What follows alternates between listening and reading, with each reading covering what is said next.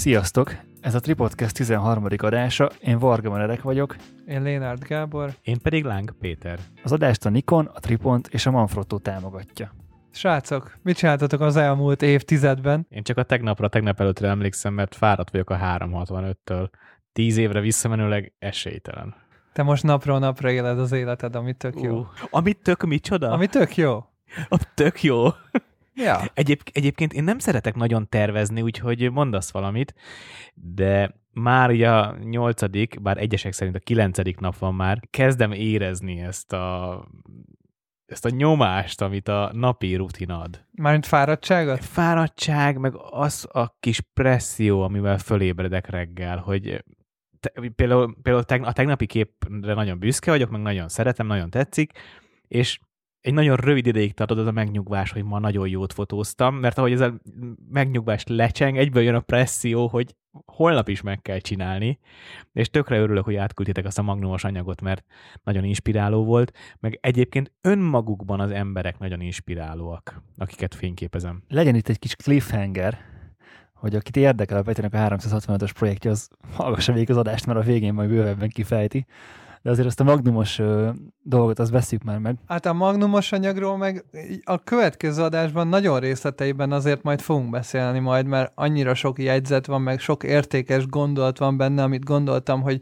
majd megoszthatunk a hallgatókkal közösen, és feldolgozhatjuk, hogy ö, azt is hagyhatjuk akár cliffhangerben. Jó, akkor ne beszéljük meg, csak mondjuk, hogy miről van szó. Ugye a Magnum ö, képügynökség kiadott két oktatóanyagot, egy street fotósat, meg egy ö, ilyen storytelling fotósat, és ö, ezt úgy kell elképzelni, hogy mindkettőnél 3-4 óra videóanyag, és ilyen kb. 100-200 oldalnyi kép és szöveganyag érhető el nagyon érdemes megvenni. Én évek óta nem találkoztam ilyen minőségű oktatóanyaggal, meg ilyen ennyire inspiráló anyaggal, és így ö, a street photosat már végignéztem, most elkezdtem a másikat is, és konkrétan az első rész alkalmával én azt vettem észre, hogy maga a csávó, aki beszél Alexot, maga a személy érdekel. És annyira, hmm. jó, annyira jól beszél, és annyira jól adja elő az egészet, és így tök-tök inspiratívan hat az egész. Úgyhogy esetleg, hogyha van valakinek kedve, akkor az vásárolja meg, és nézze végig úgymond velünk, és akkor majd megbeszéljük két hét múlva, hogy, hogy ö, ki, mit, ki mit tanult belőle. Vagy akár ha nagyon drágájátok, akkor összeállhattok páran, esetleg mi is igazából hárman közösen vettük meg. Amikor elkezdtem az adásra készülni, akkor megnyitottam a Facebooknak az, az opcióját, hogy megmutassam, mi volt 2010-ben, és így többek között döbbenten látom, hogy például hogy, a kolontári vörösiszap katasztrófáról találtam cikket, illetve a saját divatfotósán nem válásomnak a kronológiájáról.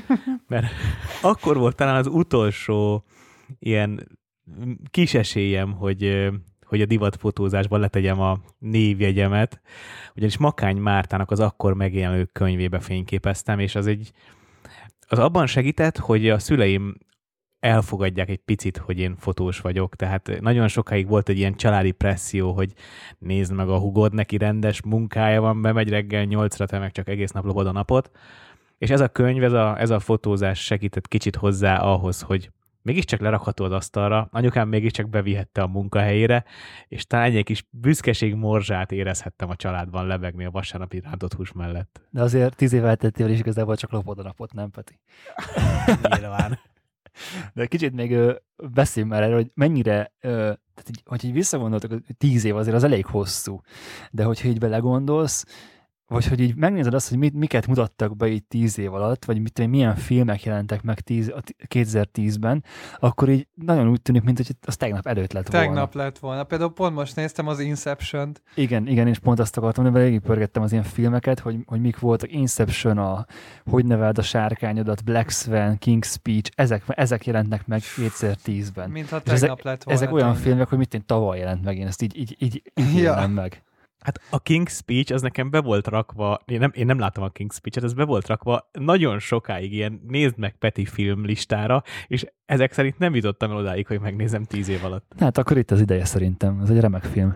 Meg most, ahogy néztem a Facebookon, mi tartottunk ilyen ö, Z-kategóriás film estéket is, ahol közösen Facebookon mindenki, vagyis hát mindenki nézte a tévén a filmeket, és akkor ilyenek voltak, hogy Transformers, meg Megapiranya, meg nem tudom, és akkor én csináltam egy kommentet, hogy J. Knight van, és akkor izé mindenki oda kommentelt, hogy éppen mi történik a filmben, meg ilyenek.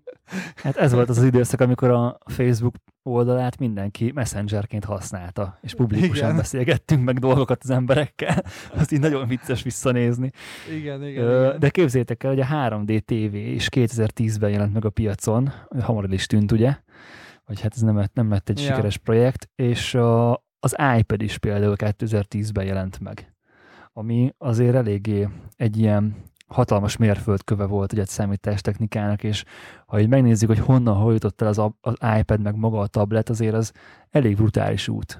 Rólam cikkeztek 2010-ben, hogy az esküvői fotós, aki iPad-del fogja a, a, az ügyfeleit. Mert úgy mentem ki az esküvői kiáltásra, hogy nem installációt vittem, hogy iPad-et a kezembe, és a nekem szimpatikus párokat le, leszólítottam. Volt, volt kiállítói karszalagom, mint még mielőtt megszólnátok, csak a standra nem fektettem energiát, hanem én ott mászkáltam fel alá, és leszólítottam a nekem szimpatikus párokat.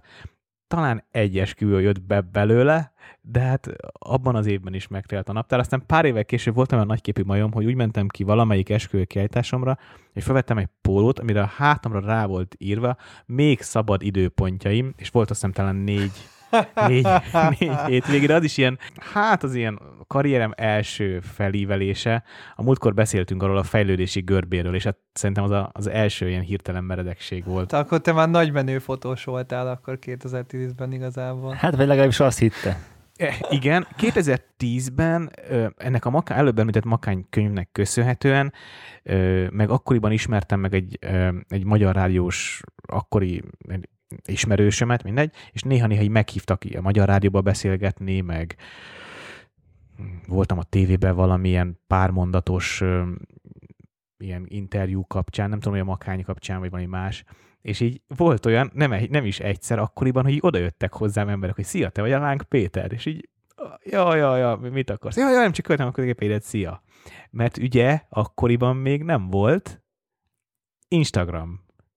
Az is tíz éves sztori, Hát igen, az is akkor indult. de akit most Instagramon követsz, ahhoz már ma nem mész oda, mert tolakodó, mert... Hát, de akkor még az Instagram teljesen mást is jelentett, tehát hogy azért annak volt egy fejlődési íve, igen. Maga az, az közösségi média még nem ilyen szinten volt, akkor még így az ismerőseidet követted, nem használtad ö, branding platformként, vagy ilyesmi. Hát akkor tényleg arra használtuk a social media, amire való konkrétan. Tehát, hogy amire kitalálták ugye annak idején, hogy az ismerősödet megkeresd és tartsd a kapcsolatot, akkor, akkor mindenki ezt csinálta, most meg azért elég sok minden más is zajlik ott. Akkor volt egy, van egy nagyon nagy ö, televízió történeti mérföldkő, 2010-ben lett vége a Lostnak. Ti azt néztétek? Persze. Én, én utólag daráltam le. Én is pár éve néztem újra, hát, hát Aha. úgy, úgy, úgy, újra, hogy a, amikor ugye ment az RTL-em, azt hiszem azon ment, hogy akkor ugye elkezdtem nézni, akkor még hát én internet, meg streaming, meg ilyen enkor, meg ilyenekről, meg azt tudtam, hogy mi az konkrétan. Mert ugye akkor lett vége, de ez egy jó, az egy ilyen jó öt éves sorozat volt, tehát az azt hiszem talán öt vagy hat évada is volt a Igen. Losznak. 2005-ben kezdődött. Igen, csak hogy az, az egy nagyon nagy ö, tényleg ilyen televízió történet. Igen, igen, igen, és ö, hát a vége kérdéses. Maradjunk Hát igen. ennyiben. Igen.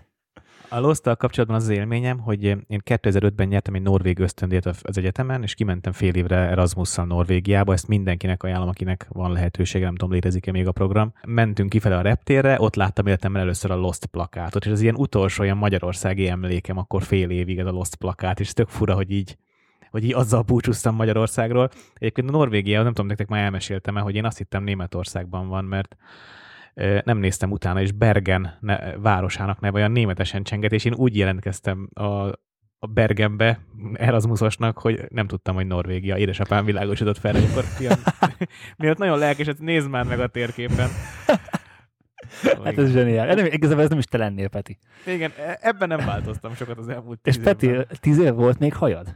Volt, és képzeljétek el, tök érdekes, E- egyébként tök jó, hogy kérdezed, mert képzeld, most adtam le az utolsó olyan ID-mat, utolsó olyan igazolványomat, a jogsimat, ami most járt le novemberben, ami még e, hajas fénykép van. Ilyen kis mm, csir, csirkehaj, de, de haj.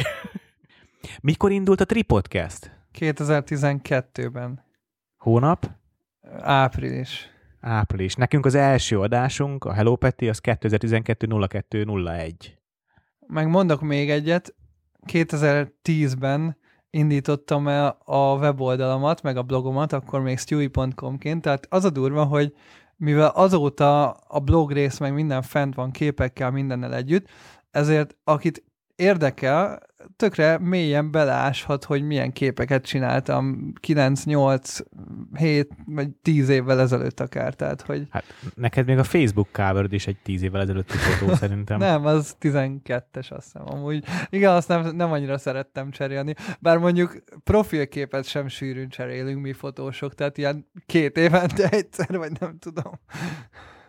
Dobáljuk már át, srácok, hogy a fényképezés mi volt a sztori az elmúlt tíz évben, ez elég, elég érdekes lehet. Ti mivel fotóztatok tíz éve? Én akkoriban Nikon rendszerrel fotóztam, egy D3-an biztosan volt, de arra nem emlékszem, hogy akkoriban már ellopták a D7000-emet. Ez nagyjából 2010-11 környékén történhetett, amikor a kocsiba hátsó ülés lábterében hagytam a, a fotós cuccomat, a iPad-et, a laptopot, a töltőket, a mindenféle kártyákat, az üres kártyákat és fölmentünk a Megyeri hídre fényképezni egy esküvői párral, és mire lejöttünk, be volt törve a hátsó üveg, és elvitték a cuccomat. Az egy emlékezetes eset volt. Hát nem lettem volna helyetbe. Nem, az kemény volt. Az, ott, ott ültem a földön, nem csak azért ültem négy órát a földön, mert annyi idő volt, még megjöttek a helyszínelők, hanem, hanem kellett egy ilyen reboot az életembe, hogy, hogy most akkor, akkor, most, akkor most mi lesz. És az esküvőt hogy fejezted be? Az volt az utolsó mozdulat. Az volt a mozdanat. Egy, ez egy olyan eskü volt, ahol csak egy polgár, itt meg egy kreatívot kért a pár és a, a, a D7000-et én nem igazán használtam úgy másodgépnek, hogy nem dolgoztam két fényképezőgéppel, hanem, hanem csak tartalékgépnek volt nálam. A D3 volt a fő, és egyetlen egy géppel dolgoztam. És memóriakártya értékes képeket nem loptak el? Nem, csak az üres kártyákat hagytam benne a kocsiban. A, a, a, a két kártya, ugye a D3 egy kétkártyás gép, az, benne volt az a, az össz, a teljes anyag rajta volt. Nem kellett kártyát cserélni, nagy kártyákat használtam. Azt láttátok most, amikor hogy a, hogy a templomba besunnyogott egy ö, tolvaj, és ellopott a templomból egy, egy ö, kamerát, és úgy, hogy rajta voltak a memóriakártyán még az esküvőfotók is. Fú. A hír, hírt hallottam, de ez Magyarországon volt? Nem, külföldön, de volt róla egy videó is, ahogy konkrétan megtörténik az eset. Hát nem volt túl jó nézni. Nagyon durva. A tanulság mindig legyen rajtatok a fényképezőgép munka során. Hát vagy a szemetek rajta, vagy nem is tudom. Hát azért ez nagyon nehéz templomban, én, én mindig előre az első sorba szoktam letenni a cuccot. A, itt Nem is ott kabáttal. volt, itt is oda rakták. Oda belopózott? És belopózott konkrétan, mintha ő is így tagja lenne, vagy bejött volna csak így a templomba, leült így a pár sorra hátrébb, volt nála egy üres hátizsák, és ő is szépen lassan oda ment előre, így a nász nép éppen picit arrébb volt, és akkor így beletette a hátizsákba, a táskába, és utána így kisétált vele simán. Jesszusom. Én, én, én sokszor rakom le egyébként a cucc maradék részét, hogy ne úgy nézzek ki, mint egy terminátor, aki mozog. Tehát, hát igen, én is leszoktam rakni, le, főleg, le hogy sok cuccal megy az ember esküvőre, és nem mindenre van szükség a templomban. E, egyébként erre jó módszer az asszisztens, akinek ilyen helyzetekben az a feladat, hogy vigyázzon rá. Igen, De... igen. Na, Benedek, neked mi volt, milyen géped volt 2010-ben? Hát én akkor két éve kezdtem el fotózást, 2008-ban kezdtem, ugye?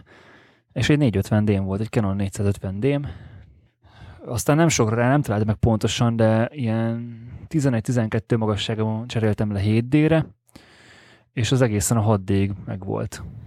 És miket akkor még nem street fotóztál, Nem, ugye? nem, nem. Hát ugye akkor én még bőven pápán voltam, ugye egy, egy, ö, gimnáziumba jártam, akkor voltam 11-es talán, mert én 12-ben végeztem a gimivel, 13-ban, az azt jelenti, hogy akkor 11-es lehettem 2010-ben, hát akkor még ott szó nem volt a streetről, hát én inkább ilyen természetet, meg ilyen, ilyen osztálytársokat, meg ismerőseket fotóztam. Ez, ez, ez volt akkor a portfólió. Egyébként képzeljétek nekem, nagyon sok, sokáig csináltam azt, hogy az adott év fotóiból összeraktam egy fotókönyvet. És ezt mindig anyáiknak adtam karácsonykor. Az utóbbi pár évben már ezt nem csináltam meg, főleg azért, hogy már csak ilyen street fotóim vannak, és azok nem szép képek. Mikor hagytad abba ezt a szokást? Nem emlékszem pontosan, egy három éve talán.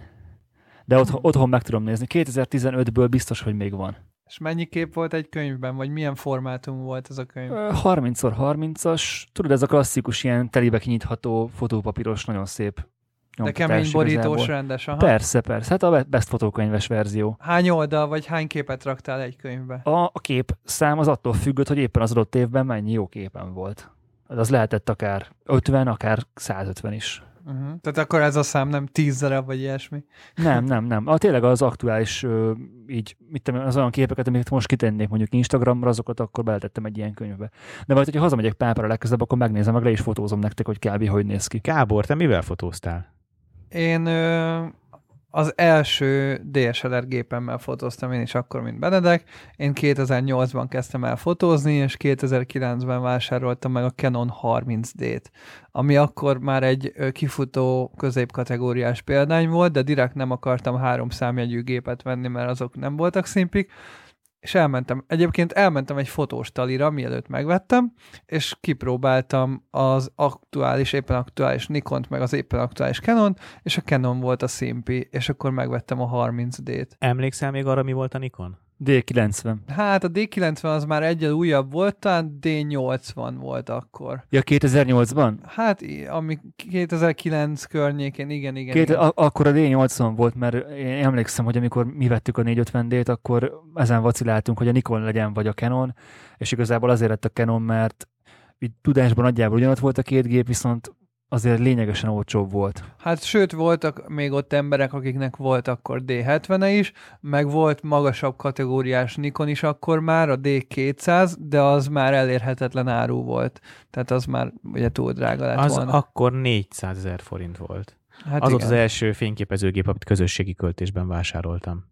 Összegyűjtöttem egy pár embert fórumokról, és, és akkor úgy vettük meg négyen, öten, nem tudom már.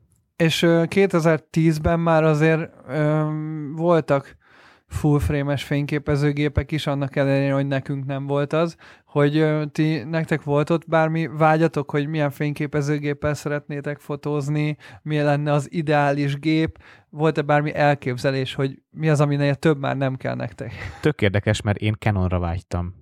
Tehát a, a, a, én D70-nel kezdtem el fényképezni, aztán D200 lett, és a Canon lépett be először a full frame világba az 5D-vel, és akkoriban nekem elképzelhetetlen volt az, hogy váltsak. Tehát, hogy eladtam volna a Nikon szettemet, egyébként akkoriban nagyon sokan váltottak Nikonról Canonra, nekem egyszerűen nem volt annyi pénzem, hogy kiegészítsem egy Canonra, és akkoriban az lett volna a vágyam, hogy két full frame Canon ugyanolyan kamera, a, az LS optika sor, mind a kettőn egy-egy vaku, ugye még akkoriban a vaku az egy standard tartozéka volt a fotózásnak, és két Most is. ugyanolyan... gi- Jó, de hogy jó, oké, okay, de akkoriban még akkor szükséges kelléke volt a fotózásnak, ma már talán nem annyira az, pláne rendezvényfotózásban.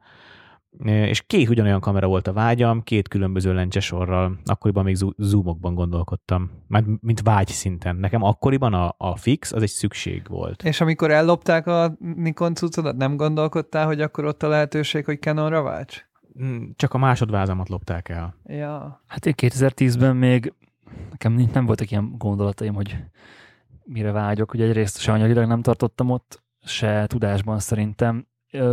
Én e- először így igazán tudatosan a 7D-t vettem, meg azt mondom, hogy nyilván később a 6D-t is már. Amikor a 7D-t választottam végül, akkor dilemmáztam rajta, hogy az 5D2-t kéne megvenni, vagy a 7D-t. De igazándiból a, főleg az objektív sorom miatt választottam végül is a 7D-t, mert ugye az egy APS-C szenzoros fényképező, és nekem volt egy Sigma 1020-am, amit nagyon szerettem például, és ö, ugye akkor azt is cserélhettem úgymond le, és így tudásban, autofókuszban, ilyen weather sealings tekintetében, sorozatképben jobb, jobb választás volt a 7D, és meg nyilván árban is, és ott nem, nem igazán gondolkoztam én az, hogy most izóban nekem így nagyon előre kéne mennem. A 7D az ilyen 1600-at még így bőven, el- bőven hozta, és ugye, ahogy mondtad Peti is, akkor kb. a vaku az tényleg ilyen alap volt. És azzal meg aztán ugye nem nagyon kellett, tehát hogy ha volt rajta vaku, akkor igazából az 1600-as izó bőven jó volt. Hát igen, ilyen 1600-3200-ban gondolkodtunk maximum, sőt, tehát én még annó a 30D-vel, az, a, a 3200-as izó, az a high beállítás volt, az már ki se volt írva, csak ilyen H1-nek ki volt írva, mint most az izó 100 ezrek. Tehát 1600 volt igazából a maximum tudása, amit a vász tudott. 2010-ben a Nikonnál a D3S volt egyébként az aktuális top modell, vagy, és ha jól emlékszem, akkor azzal ilyen ISO 4000-en lehetett már szó fotózni, tehát azzal már be lehetett vállalni az ISO 4000-et. És hát a D3-mal tűnt el például az én fotózásomból, a főleg rendezvény, meg esküvői fotózásomból az, hogy állandóan bakuzzak.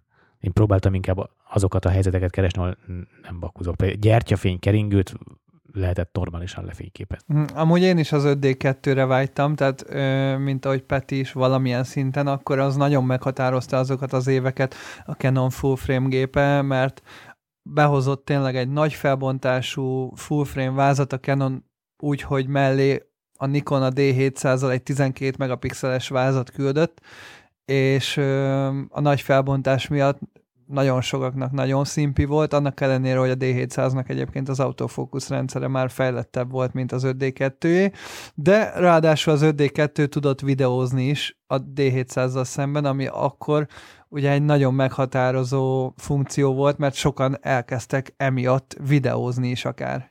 És itt volt az a pont, amikor a DSLR videózás ez megindult. Igen.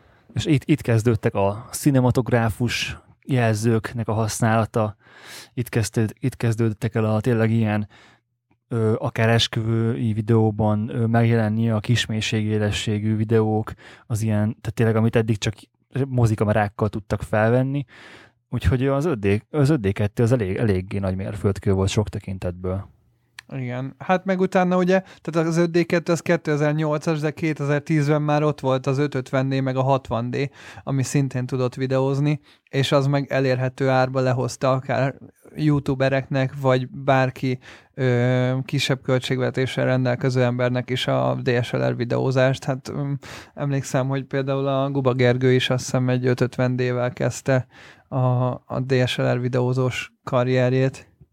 Arra emlékeztek, hogy milyen érzés volt akkor fotósnak lenni, hogy volt-e különbség akkor és most, akár a fotós szakma megítélésében, akár a ti személyes megítélésetekben, a fotósá válás folyamatában? Mm, én erre nem igen tudnék nyilatkozni szerintem, mert tényleg két éve kezdtem akkor a fotózást, és az életkoromból is, meg az egész helyzetemből adódóan is nem, nem láttam így bele. Tehát, hogy én akkor még egy tinédzser voltam gyakorlatilag, és ö, teljesen más elképzeléseim voltak mind a fotózásról, mind a világról, mind az egész piacról, mint amilyen most van, meg így az egészre a rálátásom teljesen más, és hát nyilván egy tök menő dolognak tartottam, hogy, hogy valaki fényképész, meg ő ebből él, meg hogy főleg, én főleg akkor én a természetfotózásnak voltam a nagy szerelmese, de én Máté Bencét imádtam, mint az állat, nyilván most is nagyon szeretem, de akkor aztán meg főleg az éves fotókönyvben kívül volt egy másik ilyen úgymond hagyomány, hogy minden karácsonyra megkértem a,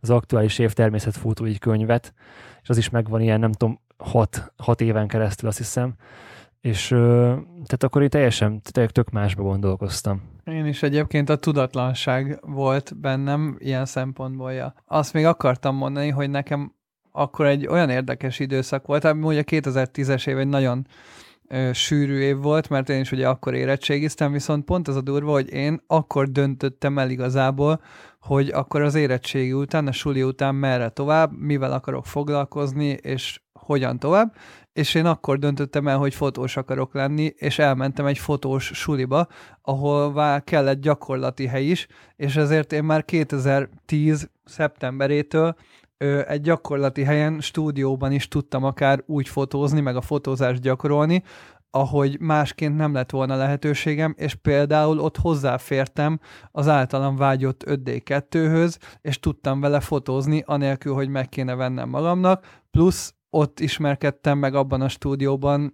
az Apple iMac-kel, és azon kezdtem el retusálni, és utána vettem meg a saját iMac-emet is, mert annyira megtetszett. Az iMac-et kihagytam. Nekem MacBookom volt, és a desktopon pedig Mac Pro-ra léptem, egy nagyon jó áron sikerült megvennem egy alap, alapmodellt akkor, de akkor szerintem az akkor is egy jobb, jobb gép volt, mint, mint az iMac. Sose, az iMac-et én sose, sose szerettem igazából, nem tetszett az, az egybeépített dolog. Nem, nem tudom, ez csak egy stílus kérdése. Szoba dísze. Igen, egyébként szép, mindig szép volt, de már menjünk már vissza, picit ne technikázunk, mennyire Gábor, Gábortól én nem kaptam választ arra, hogy e, te nem emlékszel olyasmire, hogy, hogy büszkesége, büszkeség volt a fényképezőgépet a nyakba lógatni, az egy stank volt, egy menő dolog volt akár buliba fotózni.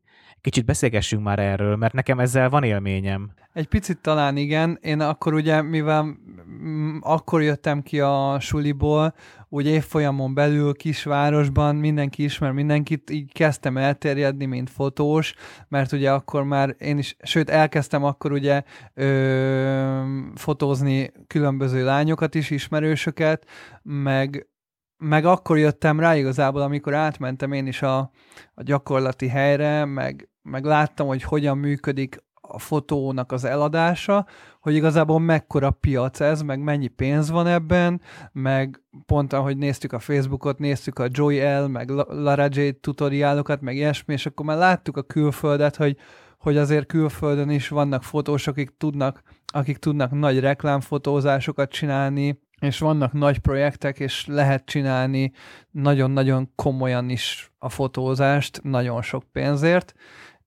és igazából én akkor azt mondtam, hogy akkor innentől nekem az a célom, hogy egy olyan szintet elérjek, és az a durva, hogy azt a szintet, amin kb. akkor a Joy el volt, azt még mindig nem értem el, sőt, lehet, hogy még egész életemben se fogom.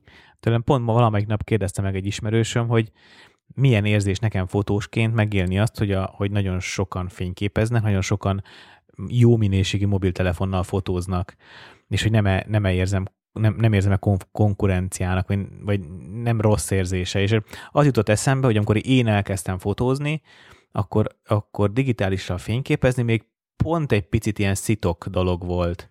Tehát a Nikon, ez nem, tízes, nem tíz éves sztori, inkább 15, ugye a Nikon D70 volt a Nikonnak az első ilyen commerce megvásárolható digitális gépe, de akkor még még ö, nagyban fotóztak esküvőket, meg anyagokat. Ö, én voltam filmes fotós esküvőn, két F4-e volt a fickónak. Mondjuk Akkoriban. ez már inkább a 2000 és 2010 közötti előző évtized, nem a, nem a 2010-2020 közötti évtized.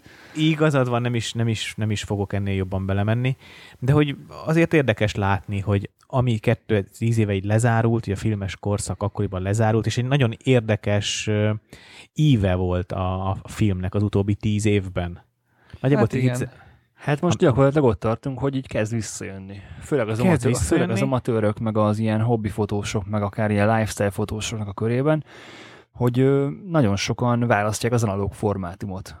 És például a, a Kodak erre úgy reagált, hogy fel is emelt az árait, mert hogy annyira nagy a demand, tehát annyira nagy az igény a filmre, hogy egyszerűen nem tudják az aktuális kapacitással ezt kitermelni, és muszáj fejleszteniük a filmes piacon. Hát meg ugyanígy a Kodak, aki visszahozta egy olyan film ö, pakját, az Ektachromot, amit korábban pontosan azért szüntettek meg, mert nem volt igény rá, és a 2018-ban azt hiszem visszahozták az Ektachromot, mert hogy annyira sokan fotóznak most filmre, hogy úgy látták, hogy lenne igény arra, hogy behozzanak gyakorlatilag egy új filmpakkot, és ö, azt is láthatjuk, hogy a filmes fényképezőgépek árai évről évre gyakorlatilag nőnek, mert ugye már újakat nem gyártanak a gyártók, és egyre inkább ritkaságnak számítanak a működő gépek, és hát nyilván nagyon drágán lehet őket megvenni.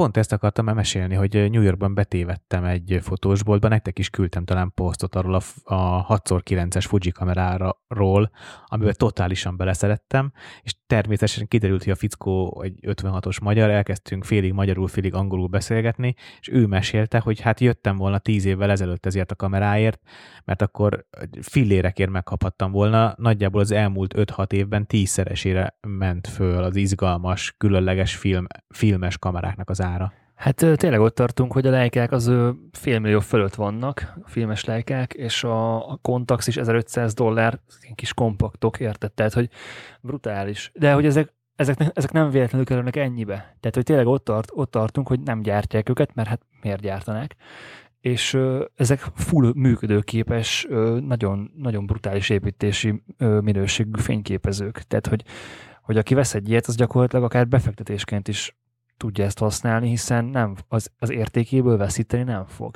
És nyilván ezek a gépek, mivel nagyon hosszú távra voltak tervezve, ezért nyilván hosszan lehet őket használni, sőt egyébként vannak csomó kameraszerviz is, amik simán tudják szervizelni, de én azt akartam kérdezni, hogy tényleg a 2010-es évek elején megindult egy ilyen nagy boom a digitális fotózással, és akkor nagyon sok fotós tényleg nagyjából ebben az időszakban kezdett el fotózni, akár mai ismerőseink is 90%-ban ilyenkor kezdtek el fotózni, és a filmes kameráknak tényleg nagyon alacsonyan volt az áruk, mert mindenki azt hitte, hogy a digitális lesz akkor teljesen a jövő, és hát az is volt. És nem gondoljátok esetleg, hogy most, hogy kezdenek a DSLR-ek kifutni, hogy mondjuk 10 év múlva ugyanilyen ritkaságként, mivel a DSLR-eket is simán lehet szerintem 10-20 évig használni, annyira strapabíróak, meg annyira hosszú távra vannak tervezve, hogy azoknak is majd akár egy idő után, most, hogy csökken az áruk, egy idő után majd nőni fog, és újra igény lesz rájuk? Ezt azért nem gondolnám, mivel a filmes fényképezőgépeknek megvan az előnye, hogy a szenzor az örök érvényű. És a, amíg a film létezik, mint, mint médium, addig egy filmes fényképezőgépeknek lesz értéke. Most egy, egy akár egy mai, vagy egy akár egy, egy 2010 elejé digitális fényképezőgépnek 10 év múlva nem lesz úgymond értéke, mert a szenzor ugyanaz a 20 éves vagy 15 éves technológia lesz, mint ami akkor volt, amikor az volt a csúcsmodell, és hogy azok annyival, tehát azt nem tudod lecserélni, nem tudsz beletenni egy új szenzort. És hogy ilyen szempontból szerintem Szerintem nem. Igen, csak ugye az a baj, hogy például pont ezt tekintik jelenleg az egyik leges, legnagyobb problémájának a filmes fotózásnak, a, azt, hogy igazából nincs utánpótlás, meg nem gyártják az eszközöket, mert ugye két dolog, az egyik, hogy hogyan nézzük az analóg fotókat, vagy beszkennelve, tíz évvel ezelőtti szkennerekkel, mert nem gyártanak újabb és újabb szkennereket, vagy pedig analógosan előhívva, mert hogy levilágítva meg minden, és a nagy New Yorki ilyen ö, analóg hívók, meg ö, laborok, meg ilyesmik is sokszor arra panaszkodnak, hogy konkrétan, ha mondjuk szétmenne az a hívójuk, vagy az a levilágítójuk, ami van, akkor nem tudnának újat venni. Nincsen hozzá szervíz, nincsen hozzá alkatrész, és tök nehéz beszerezni, stb. stb. És, és lehet ez is akár a halála a filmnek előbb-utóbb. Szerintem, hogyha a piac meg lesz, akkor fognak a gyártók csinálni ilyen dolgokat.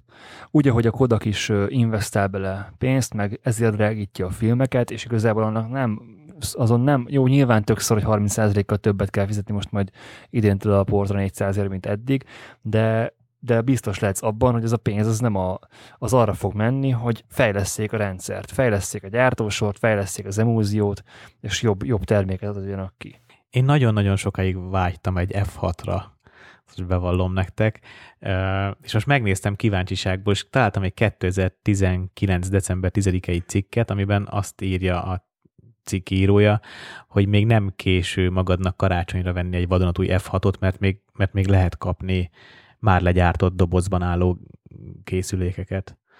Ez egy 2004-ben bemutatott kamera egyébként. Igen, a Canon sajnos az utolsó DSLR modelljét, azt hiszem a Canon EOS 1V-t, azt pont nemrég fejezte be a hozzá a támogat, terméktámogatást, meg, meg talán a gyártást is nem is annyira régen, tehát sajnos ők már ezzel leálltak teljesen. Egyébként ez egy nagyon nagy kérdés lesz, hogy hogyan és ki fogja javítani ezeket a kamerákat, mert ha azt nézitek, hogy a, a klasszikus szakmák kezdenek kikopni, tehát egy ácsot, egy, egy, egy, de akár egy burkolót is most nagyon nehéz találni, kamera mechanikust, hogy hívják, kamera szervizest is nehéz, lesz találni, mert azok a klasszikus öregek, akikhez én mondjuk tíz éve járok, Csurgó a kedvencem, és nagyon sok kamerámat raktam már rendbe. Ha ők kikopnak, ha ők eltűnnek, akkor én nem tudom, hogy ki lesz helyettük. Biztos lesznek ilyen fiatal lelkes arcok, de például a Nikon FM-ben tönkrement sajnos a fénymérő, és nem konkrétan a fénymérő, mert akkor lehetne, lehetne tárcsán beállítani, hanem az az elektronikus rész, ami az elektronikus az valahogy elektronikusan vezérli a zárat már az ez egy 82-es kamera.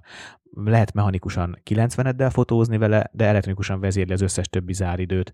És az a része sajnos nem működik, úgyhogy nem tudok vele fényképezni, és ez hiányzik is. De nézzük meg, hogy a mai két másik nagy kameragyártó, ugye a Sony és a Fuji, ők hol tartottak 2010-ben? Én emlékszem, hogy a Sony az akkor ugye A-bajonettes DSLR-eket gyártott, a Fuji pedig 2010-ben emlékszem, hogy akkor már nagyon követtem a fototechnikai híreket, fotókína, különböző kiállítások, és talán azt hiszem fotókínán egy nyáron nagyon-nagyon nagy port kavart a, az X100-zal, és gyakorlatilag a teljes fotópiac a Fuji X100-ról, és a nagyon-nagyon menő retro dizájnjáról beszélt.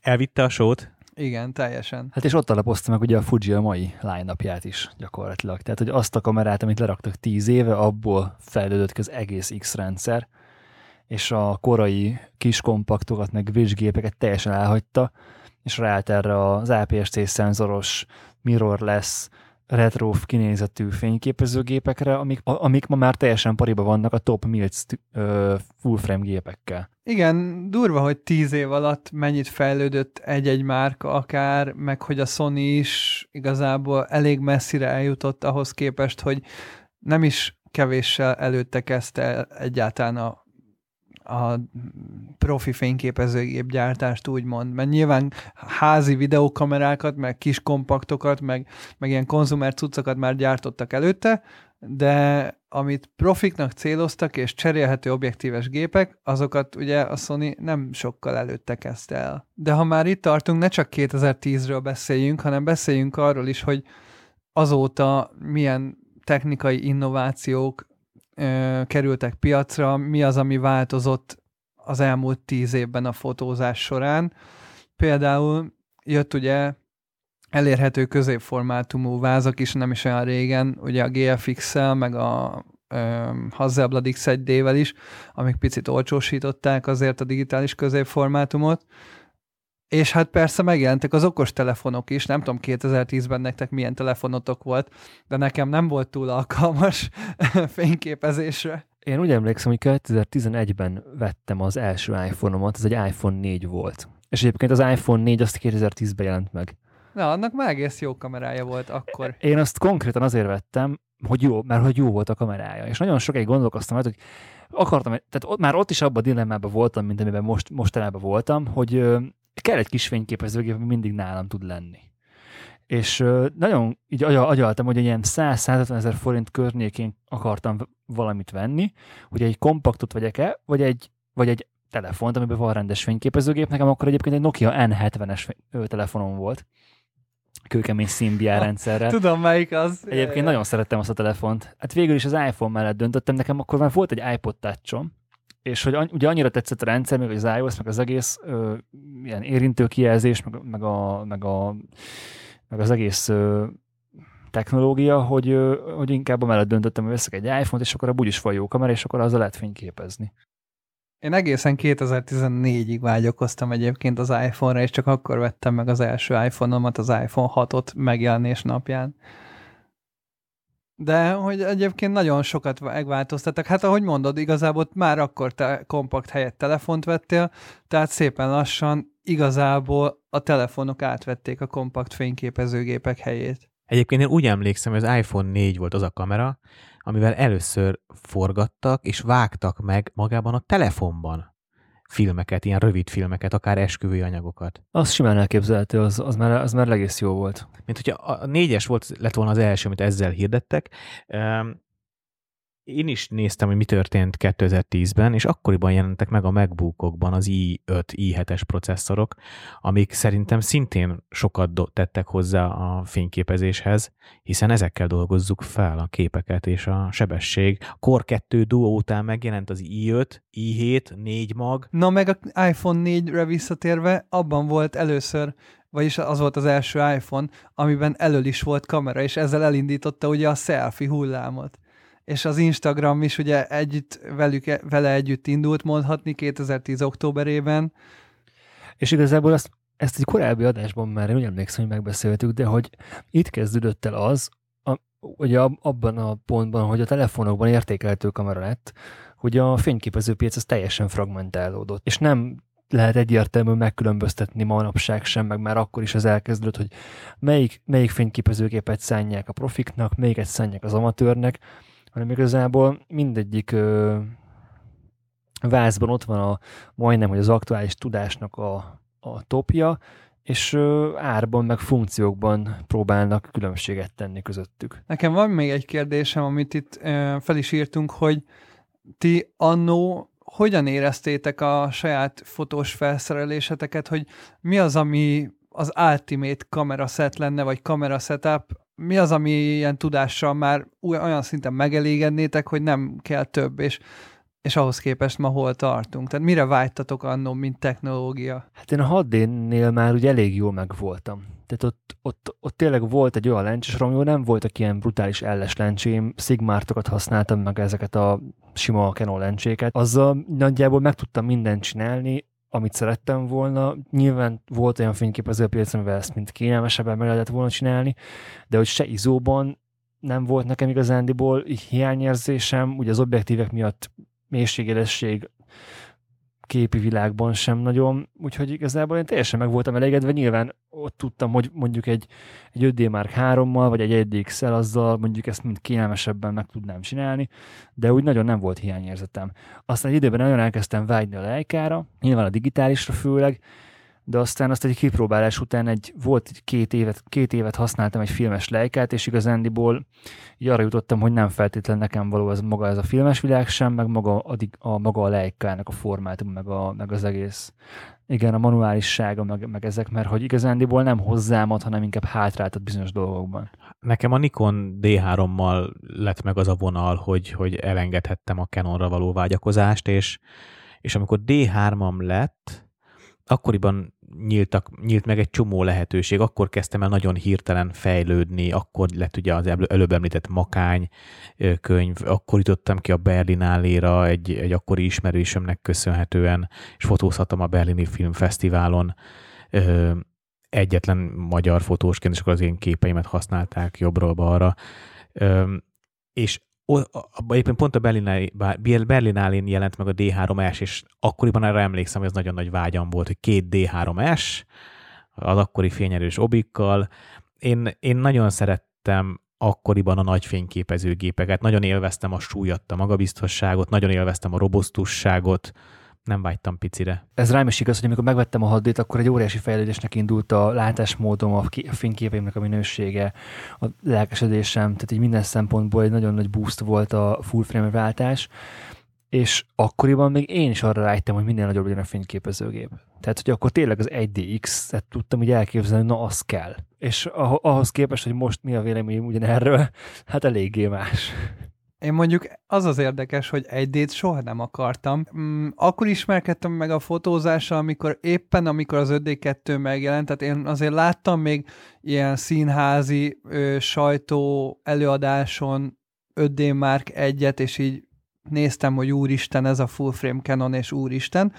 Aztán ugye az 5D2 időszakában pont az 1D, az, az gyakorlatilag gyengébb volt az 1DS Mark 3, mint az 5D2, a szenzora, meg ilyesmi, és az 1D Mark 4 volt párhuzamosan az 5D2-vel, ami meg nem volt full frame, és csak utána 2012-ben jött az 1DX és az 5D3 közösen, ahol viszont többé-kevésbé ugyanazt a fókuszrendszert kapták meg, annyi, hogy az 1DX-nél volt egy külön proci a fókusznak, de hogy ott is akkor már én az 5D2 után már abszolút az 5D3-ra vágytam, és nem az 1DX-re, főleg, hogy az 1DX-nek szintén kisebb volt a felbontása, és nem adta ezt az all-around mindenre jó váz feelinget, főleg, hogy ráadásul nagy is volt, és egyébként hozzáteszem még, hogy az 1 a portré markata az vékonyabb sokkal, mint a, mint a hozzácsatolható portré markat az 5 tehát még kényelmesebb is. Uh-huh. Hát mondjuk ez valószínűleg azért kéz kérdése, hogy kisebb a kezed, akkor a vékonyabbat értékeled. A színházat említetted, sose felejtem el azt, amikor még esőt, Fuji esőt prom volt, az ott a fővázam, és egy, nagyon lelkesen jártam színházi próbákra, ilyen fotós próbákra. Ah, ja, én is olyanom voltam, igen. Azaz. Na és sose felejtem el azt, amikor ö, történt egy balett előadás, volt operaházban egy balett előadás, és kattognak a fényképezőgépen, nagyon sok fotós van bent, és jött egy sötét jelenet, tényleg egy ilyen nagyon lassú zene, drámai pillanat, és hát, hogy, hogy, hogy lették le a fényeket, elhallgattak a fényképezőgépet, és középen egyetlen egy gép kattogott, az akkor nemrég megjelent D3. Senki, senki másnak nem volt, csak az MTI fotósának. és az egy ilyen töké, az ilyen, na az ilyen vágyakozás élmény volt, hogy basszus, ha nekem is ilyen lenne, akkor most én is fotózhatnék, és nekem is meg lenne az a kép, hogy a Balinak középen áll, és körülötte minden sötét. Hát igen, akkor még kellett a fényerő, és én is azt ámulattal néztem, hogy a csávó, érted, 5D-vel, meg 85 1-2-vel tudott olyan fotókat lőni ugye a színházban, ami nem mosódott be, mert mindenki bemosódott fotókat lőtt művészkedésből, tudod, mert csak olyat tudott, mert az áridő azt engedte meg, hát monopoddal jártak az emberek színházba akkor még. Hát a, a, az előbb említetted az autofókusz, az elmúlt tíz évnek volt nagyjából a nagy fejlesztése, hogy egyre kevésbé kell aggódnunk az életlen képekért, és nem csak az ISO, hanem az autofókusz rendszerek fejlődésének köszönhetően is. És sose felejtem el, amikor a, a Fuji kivitt a H1 bemutatójára, és a japánokkal, japán mérnökkel face-to-face lehetett beszélgetni, és akkor értettem meg azt, hogy ez, ez miért van, hogy a számítás technikai, processzor technikai fejlesztések, azok akkora nagy, hogy van minden évben duplájára? Nagyjából igen. Duplájára nő a számítási kapacitás, hogy hogyan tudja megcsinálni azt a Nikon, hogy a D3, D3S, D4, D4-esben ugyanaz az autofókuszrendszer van nagyjából, csak a számítási teljesítményt teszik mögé, amivel tudják drasztikusan növelni a, a fókuszsebességet és teljesítményt. Ezért tudja megcsinálni valószínűleg a sok Mills gyártó, de között a Fuji is, hogy egy szoftverfejlesztéssel gyorsítja a fókuszt. Még egy nagy érdekesség, amire emlékszem, hogy én annó tweeteltem egy ilyet 365 kapcsán, amire majd visszatérünk, hogy én egy 30D-vel meg akkor ilyen APRC-s dolgokkal csináltam a 365 projektet, és 51.8 volt a legtöbbet nálam, mert annak az volt a legkisebb, legkönnyebb obim, és az ugye 85-ösnek felel meg APRC-n, és amikor végig vittem a 365 projektet 2012-ben, akkor tweeteltem egy ilyet, hogy hát leg, ö, legközelebb én maximum akkor kezdek 365 projektbe, hogyha az álom szettem meg lesz, egy 5D2, egy Canon 51.4-jel, ami szintén hasonlóan picik obi volt, de hogy 50 milli 1.4, és hogy az milyen hatása van full frame meg, meg hogy 5D2, meg stb. És aztán volt is ilyen szettem, és nem mertem azóta belefogni még egy 365-be, mert tudtam, hogy az akkora vállalás, hogy, hogy nem igaz. És az a durva, hogy én amúgy ne, az 5D2 az nekem azóta, mióta megvettem 2013-ban, azóta a táskámban is van. Egyébként tök jó, hogy mondod ezt az álomszett dolgot. Én az utóbbi pár hónapban részben a podcastnek, részben a veletek való beszélgetésnek köszönhetően teljesen el- elengedtem a fotózás materiális vágyakozását. Tehát, hogy én azt gondolom, hogy a, a meglévő rendszeremmel, ami egy D4-es és egy 850, meg a hobbigépem egy X100F, én, én itt nem a, itt, itt, itt csak rajtam múlik már, hogy, hogy, mi, mit, hogy az elkövetkező tíz éven mit teszek le. És ezek a cuccok, bocs, és ezek a cuccok még nagyon sokáig tudnak engem szolgálni. Ugyanezt kezdtem ezt egyébként érezni én is, Peti, hogy ugye megtaláltam az X Pro 2-t, majd pedig az X Pro 3-at, ami tényleg az a fényképezőgép jelenleg a piacon, ami nekem min a, a lehető legtöbb igényemet ki tudja elégíteni. Annyi kívánságom lenne hozzá, hogy tudom, hogy ez kicsit ilyen hülyén hangozhat, de hogy legyen full frame-es, legyen egy picit jobb az izó képessége. Tehát a mostanival sincsen semmi baj, meg tökéletesen meg tudok csinálni minden, de azért jól tud az jönni, hogyha full frame-es egy fényképezőgép, de hogy méretben, autofókuszban, kijelzőben, mindenféle szempontból, kezelhetőség szempontjából, súly szempontjából, minden szempontból nekem ez most a, a, a tökéletes fényképezőgép, és az elmúlt évemet az, azzal töltöttem, hogy a Fuji szettemet ö, építsem, úgymond. És ö, eljutottam egy olyan szintre, hogy igazándiból nem, nincs szükségem objektívre. Egyáltalán. Se fényképezőgép vázra, hiszen ott van az X Pro 3, amire vágytam egész tavaly. És hogy ö, tényleg én is ott tartok, hogy, hogy ö, inkább utazásra kell költeni, inkább ö, oktatóanyagra kell költeni, ki kell menni, fényképezni kell, új helyekre kell elmenni, és ott fényképezni, és, és ne, a, ne, a fény, ne, a, ne az legyen az időmet, hogy azt nézegetem, hogy hú, basszus, most ott van megint az a, nem tudom, 35 4 és akkor hogy az hát mégiscsak 1-2, vagy F2 helyett 1-4, mennyivel lenne jobb, de nem, nem lenne jobb, ugyanolyan képeket csinálnál vele. Azért úgy sokkal könnyebb már nem vágyakozni jobbra, hogy nagyon jó van.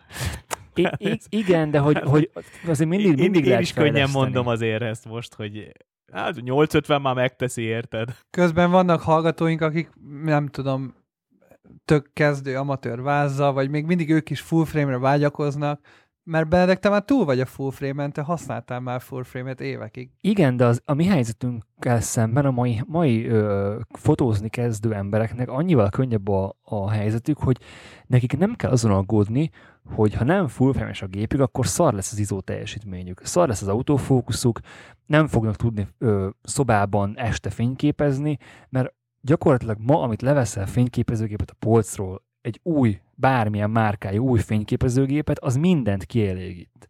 Na pont ezt akartam mondani, hogy konkrétan vannak 20-30 éves objektívek is az EF bajonetben, amik konkrétan felrakod internetre, meg nem mondod a különbséget, és akkor tényleg ezen nézélünk, hogy milyen az élesség, meg milyen a rajzat, miközben kb. most is az 5D2-ről beszélünk, 12 éves váz, és vannak a portfóliómban nem is egy 5D2-vel készült fotó, és meg nem mondod, hogy az fú, 12 éves technika és izé, csak azt látod, hogy egy tök jó kép. De nem is az objektívről, meg a régi technológiáról beszélek, hanem tényleg most, ha megnézed a mai line-upot, az akár a, a Fuji-nak a, a T30 XL3, akár a Nikonnak a Z50-jét, akár a 6000, 6000-es sorozatát a Sony-nak, akár a Canon RP-t, vagy a nem tudom, ö, 6D2-t, az mind, mind olyan vázak, ami gyakorlatilag ilyen 300, 250-300 ezer forinttól, amikor, amitől régen is indultak ezek a fényképezőgépek, tehát akkor se 80 izé, ezer forint volt egy, egy kezdőszett. Ö, bármit, ha vesz akár egy kezdő fotós, ö, nem, lesz, nem fog olyan problémába ütközni, mint mi tíz éve ütköztünk azt nézed, hogy mire vágyok, még csak ötletként, még csak, még csak nem is vágyakoztunk tíz évvel ezelőtt olyan gépekre, amik ma tényleg pár százezer forintért elérhetők a polcon, és brutálisak. Mióta nálam van az E50, azon gondolkodom, hogy majd amikor beszélni fogok róla a podcastben, akkor azt úgy vezessem be, hogy milyen jó lenne, ha ilyen géppel kezdhettem volna fotózni, vagy ez egy, vagy ez egy semmit mondó hülyeség. Mert ha, ha arra gondolok, hogy a, a D70-nel mennyit szívtam, hogy 60-addal kitartani, hogy nem mehetek föl az áridőbe, hogy elcseszi a fókuszt, hogy azok a korlátok, azok lehet, hogy annak, azoknak a korlátoknak köszönhetően lettem az a fotós, aki ma vagyok. És, hogy, ez és, lehet, hogyha, és, hogyha, lehet, és hogy hogyha Z50-nel kezdek el fotózni 15 évvel ezelőtt, vagy egy Z50 képességű géppel, akkor egy egészen más fejlődési pályát járok be. Nem biztos, hogy jobb, nem biztos, hogy rosszabb. Át, lehet, hogy a, a modellkommunikációra, az üzleti dolgokra, más dolgokra áthelyezhetődött, áthelyezhetődött volna a hangsúly, és azokban fejlődhettem volna gyorsan. Ma viszont én mindig abra vagyok büszke, hogyha engem csukott szemmel ledobsz a világbájmer pontján, valószínűleg megoldom a, a feladatot a kezemben lévő majdnem bármilyen eszközzel, mert, mert van egy olyan komplex fotós tudásom, ami, amit a verejtékes munkával szereztem meg. Vettem Amerikában egy, egy magazint, a Navy Seals-ről szól, és abban van egy mondat, ami nekem nagyon tetszett, hogy minél többet izzadsz az edzőterepben, annál kevesebbet vérzel a csatában. És ez, és, ez a, és ez a fotózásban is szerintem megvan, hogy minél több elrontott saját projekted van, legyen az 365 vagy egyéb bármi más, az éles munkában annál nagyobb eséllyel állsz, áll, állsz majd helyt. Egyébként, amit a Benedek mond, hogy meg amit most te is elmondtál, Peti, és azt nem győzzük eléggé hangsúlyozni, hogy manapság a technika gyakorlatilag már nem számít, mert minden, amit a polcról leveszel egy boltban, az olyan minőséget ad, hogy elképesztően jól lehet vele fotózni, és ez a legmeglepőbb igazából, hát talán az egész fotós társadalomban, mert külföldi fórumokban is látom, hogy annak ellenére, hogy ott tart a technika, hogy gyakorlatilag elengedhetnénk már az egészet, ha innentől kezdve nem fejlődnének a gépek, akkor is tudnánk fotózni velük életünk végéig, mégis mindenki a technikán van fennakadva, és tök kevés ember beszélget arról, akár amit Peti mond a modellkommunikációról, akár ötletekről, jó helyszíneket tök kevés osztanak meg, vagy inspiráló képeket, vagy oktatóanyagokat, vagy kompozíciós trükköket, vagy világítást, csomó ilyen van. Ez azért van, Gábor, mert az magunkról szól.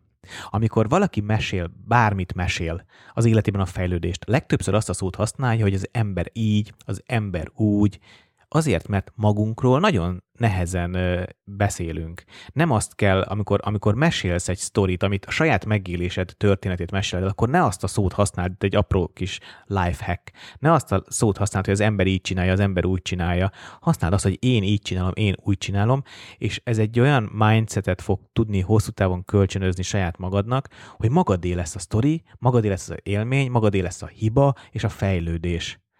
És ez szerintem ez az egyik gátja annak, hogy nem a saját élményeinkről, hibáinkról, modellkommunikációról beszélünk, hanem a rohadt fényképezőről, mert az nem rajtunk múlik. Hát igen, a- arról lehet beszélgetni objektíven, és akkor nyilván az az, az egy olyan téma, amiről így nem tudom, lehet beszélgetni, és akkor izé, ahhoz már sokkal mélyebb típusú beszélgetés kellene, hogy elmenjünk olyan témákra, amik nem feltétlen arról szólnak, hogy most hány megapixeles a legújabb Nikon. Hát meg arról lehet beszélgetni az asztal mellől. Ahhoz nem kell kimenni fényképeznek használni, hogy én el tudjam mondani, hogy milyen fényképezőgépen van. Ja, hát igen. Tényleg, igen, azt netről is meg lehet nézni a spek, spek papírt. Lefotózod az ásványvizes palasznak a kupakját, és el tudod mondani, hogy az objektív élese, vagy nem. Milyen a, milyen a képszínen rendere. De Hát igen. nem érdekli. Menj ki fényképezni, és, és gyűjts élményeket, és gyűjts, fénykép, gyűjts fényképeket. Ja, és tapasztald meg, hogy mennyire nehéz jó fotókat csinálni. De azért még egy pici technikát tegyünk bele. Szeretnék gyorsan még végigmenni egy-két dolgon, hogy szerintetek még esetleg mik voltak ebben az elmúlt évtizedben, amik fontosak voltak. Akár még Petinek is, mert Benedek annyira nem használ vaku technikát. Ugye a vakuk nagyon-nagyon sokat fejlődtek, és azon túl, hogy persze TTL-es vakuk már voltak régebben is, de elérhetők lettek a stúdióvakú erősségű TTL-es vakuk, meg bejött a HSS, mint képesség a vaku technikába, és nagyon sokan elkezdtek, ugye ez a képi világot is formálta, mert sokan el tudtak kezdeni ö, vakuzott kismélységélességű fotók készítésére, amire egészen konkrétan 2010-ben még nem igazán volt technika, kivéve ha nem tudom, kimentél nagy agregátorra, meg ilyen mindenféle dologgal, meg akár akkor még ND szűrőztek, nem is HSS-eztek, szóval ez például nagyon nagy dolog, meg, meg nyilván a ledes világítás technika is nagyon sokat fejlődött, ugye sok RGB LED van már magas CRI számmal, és akár nagyon sokan használnak ledeket is,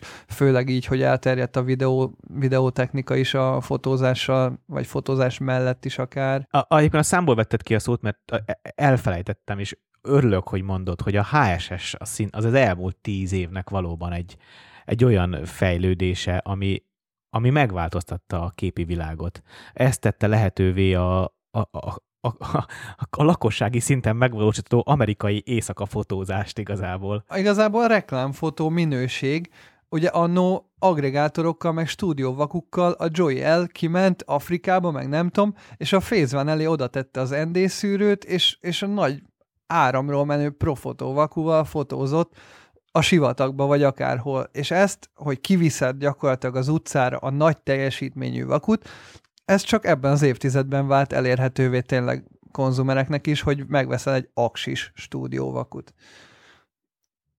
És akkor még, amiről talán nem beszéltünk, hogy mi az, ami, ami hosszú távú befektetés lehet, mert ugye beszélgettünk erről, hogy egész gyorsan jönnek és mennek a telefonok, meg a vázak, meg valamilyen szinten talán még az objektívek is, bár én azt látom, hogy én például egy 1991-ben megjelent, ö, vagy 1992-ben megjelent Canon 85 F1.8-at használok, és mai napig ott van a táskámban, és tök jó. Az objektíveket azt mostanában, hogyha figyeli valaki a híreket, akkor eléggé rohamtempóban úgymond jelentik be, be, be a gyártók, meg adják ki. De ugye ez amiatt van, mert ugye gyakorlatilag egy, egy rendszerváltás zajlik, ugye a tükrös gépekről megyünk át tükör nélküliekre, mindegyik gyártó új bajonettet csinált, és hát kellenek az új objektívek. Hát most ha azt nézed, akkor a, akár a Canon új RF bajonettjét nézzük, akár a Nikonnak az új Z bajonettjét, ugye hát nincs hozzá objektív. Nyilván az alapok megvannak, de azért még, még a, a, a, az EF lencsesorhoz azért elég messze tartunk, És a napokban jött ugye a hír, hogy a Canon például az EF objektíveknek a fejlesztését be is fejezi. Ja, erről mindenképp szeretnénk majd beszélni. Ja, ez durva. Hát persze, mert megváltozott az objektívépítési ö, elvárás. Ha tükrös gépeknél nézed, akkor a, a segédtükör az nagyjából a, a kép közepét fedi le, emiatt nagyon képszélre nem is kerületett autofókuszpont, még a milceknél bárhova tudod tenni az autofókuszpontot, szükség van egész egyszerűen, nem csak az optikai képalkotás miatt, nem csak azért, hogy szép, éles kép legyen a teljes képmezőn, hanem hogy az, a fényképezőgép képes legyen éles képet készíteni, mert ha az objektívek nincsen meg a szélén a megfelelő felbontó képessége, akkor hiába van mögötted egy, mögötte egy autofókusz rendszer, ha nem kapja meg a megfelelő felbontású képet nem fog tudni dolgozni, és a milceknél ez alapvető szükséglet. Igen, ez, ez a következő lépés gyakorlatilag a technológiában. A Fujifilm is gyakorlatilag az X bajonettel szintén egy rendszerváltást hajtott végre, és hát nemrég jelent meg ugye az L bajonett is, ami a Panasonicnak, a Sigmának és a Leica-nak a, a közös bajonettje, oda is fokozatosan jelennek meg objektívek, a következő évtized az erről fog gyakorlatilag szólni. És ha már a bajonetteknél tartunk, nemrég találtam egy nagyon érdekes weboldal aloldalt a Canonnak, a Canon Camera Museumot, ahol fel van sorolva az összes ö, objektív, az összes váz, meg minden, amit valaha a Canon kiadott, évszámokra lebontva, és van egy ilyen ö, videó sorozatuk, ahol egy percben csak így kevésbé részletesen bemutatják, hogy milyen bajonetteket ö, használtak eddig a Canon kamerák, és én itt lepődtem meg, hogy konkrétan nagyjából tíz évente új bajonetteket hoztak ki. És most tök sokan meg voltak lepődve ilyenkor, hogy például miért hozott ki RF bajonettet a Canon az EF után, de teljesen indokolt, de mindjárt elmondom, hogy hogy, hogy ment ez a, ez a történet gyorsan, hogy 1946-tól 64-ig olyan objektív bajonet volt, amit tudjátok, ez a felcsavarós, amit még így fel kellett csavarni. És annak az volt az előnye, hogy stabilan tartott a vázon, viszont nagyon lassú volt az objektív csere. És akkor kellett egy olyan innováció, hogy hogyan csinálják meg azt, hogy gyorsabban lehessen objektívet cserélni, ne kelljen totál felcsavarni az egészet, és akkor kitalálták, hogy akkor legyen egy olyan ö, objektív bajonet, és emiatt le kell cserélni ugye a teljes kamerarendszert, hogy csak így rá oda tartod az objektívet, és akkor így rá, volt egy ilyen rácsavaró, kis ráhúzó ö, ö, ring gyakorlatilag az objektíva, amivel gyakorlatilag oda szorítottad a kamerához. És ez gyakorlatilag az első Canon SLR-rel együtt jelent meg, és ebben az időben ez még egy teljesen analóg mm, bajonett volt, ugye, sok kis kallantyú, meg ilyesmi kommunikált a vázakkal. Ez volt az R bajonett, utána jött az FL bajonett, ami például megint egy teljesen új bajonett volt, teljesen új funkcióval együtt, és itt a TTL fénymérést hozták be, ugye? Tehát, hogy a kamera az tudott az objektíven keresztül fényt mérni. Ezt is gyakorlatilag a kettő közti kommunikációt kellett fejleszteni, a kamera és az objektív közti kommunikációt, és emiatt egy teljesen új bajonettet kellett létrehozniuk. Utána jött az FD bajonett, ahol ö, már úgy is tudtak ö, fényt mérni, hogy volt teljesen automata ö, rekeszállításra lehetőség, ami szintén egy tök pici kis funkció, de, de kellett hozzá az új bejonet, hogy, hogy tudjanak tovább lépni, meg hogy úgy tervezzék be a kis kallantyúkat, hogy, hogy kisebbekre, kisebbre tudják húzni az objektíveket, és az még itt a durva, hogy 1970-től 79-ig volt, és itt jöttek be olyan objektívekre igény, ahol azért kellett, hogy kisebb objektíveket tudjanak gyártani, mert elkezdtek beletenni különböző korrekciós üvegeket, mert kellett a színkorrekció, mert itt kezdett el terjedni a színes film. És kellett, hogy az objektívek a különböző színhibákat tudják korrigálni. És utána jött az új FD bajonet, ahol meg ö, azt csinálták, hogy levették ezt a szorító gyűrűt az objektívről, és itt vezették be azt, hogy gyakorlatilag ráteszed az objektívet a vázra, és magát az objektívet fordítod el, és így kattan be igazából a vázhoz. Nekem volt egy Canon AE1-em, és azon ez az FD bajonet volt, és nekem volt egyébként egy olyan objektív, ami ez a, ez a szorító gyűrűs megoldás. Na, akkor neked még a régi FD bajonet volt. De nem, mi- mindkettő ráment. igen, mert a két darab FD bajonett az kompatibilis volt igen, egymással. igen. Csak az objektív volt a régi, bajonettes, de a, maga a vázolni az már ráment. Ja, ja, ja. És az enyémen, az A1-en, ott meg már a Canon 51.4, a fekete, az meg már úgy ment rá, hogy magát az objektívet kellett Igen, csavarni. igen, mint a mostani objektív. Igen, de hogy ez is konkrétan azért volt, hogy azért volt például a bekattanás, hogy ne essen le az objektív, miután becsavartad, mert ugye a réginél te szorítottad rá. Igen, igen. És utána 87-ben jött az EF bajonett, ami akkor a Canonnak hatalmas innovációja volt,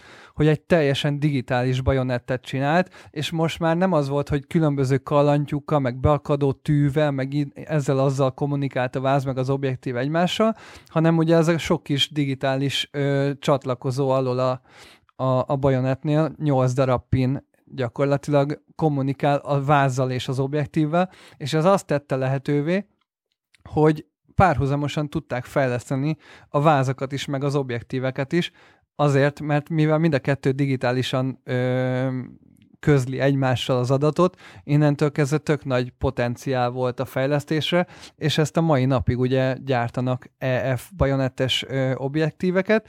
Utána jött egy EFM, ami tükör nélkül lett, de utána tényleg az RF bajonetre azért lett szükség, mert ahogy Peti is mondta, egy az, hogy csökkent ugye a bázistávolság, elveszett a tükör a kettő közül, és itt is azzal indokolták az új bajonettet, hogy új funkciókat és gyorsabb kommunikációt tudjon a váz és az objektív között biztosítani, és itt már 8 pin helyett 12 pin van, ami azt jelenti, hogy nem csak, hogy gyorsabb a kommunikáció a váz és az objektív között, tehát pontosabb, gyorsabb fókuszt tesz lehetővé, de például olyan új funkciókat be tudtak vezetni, mint mondjuk a control ring, ami ugye egész egyszerűen a régebbi bajonettel nem volt ö, opció, és még ki tudja, hogy a jövőben milyen új funkciókat tudnak bevezetni, ugye vannak különböző digitális dolgok, amik kommunikálnak, ugye a képstabi, a, az, hogy a távolságot, hogy le, lejjebb tudod venni, hogy hol fókuszáljon az objektív, meg csomó ilyesmi. Gyakorlatilag az RF bajonet ezért kellett, hogy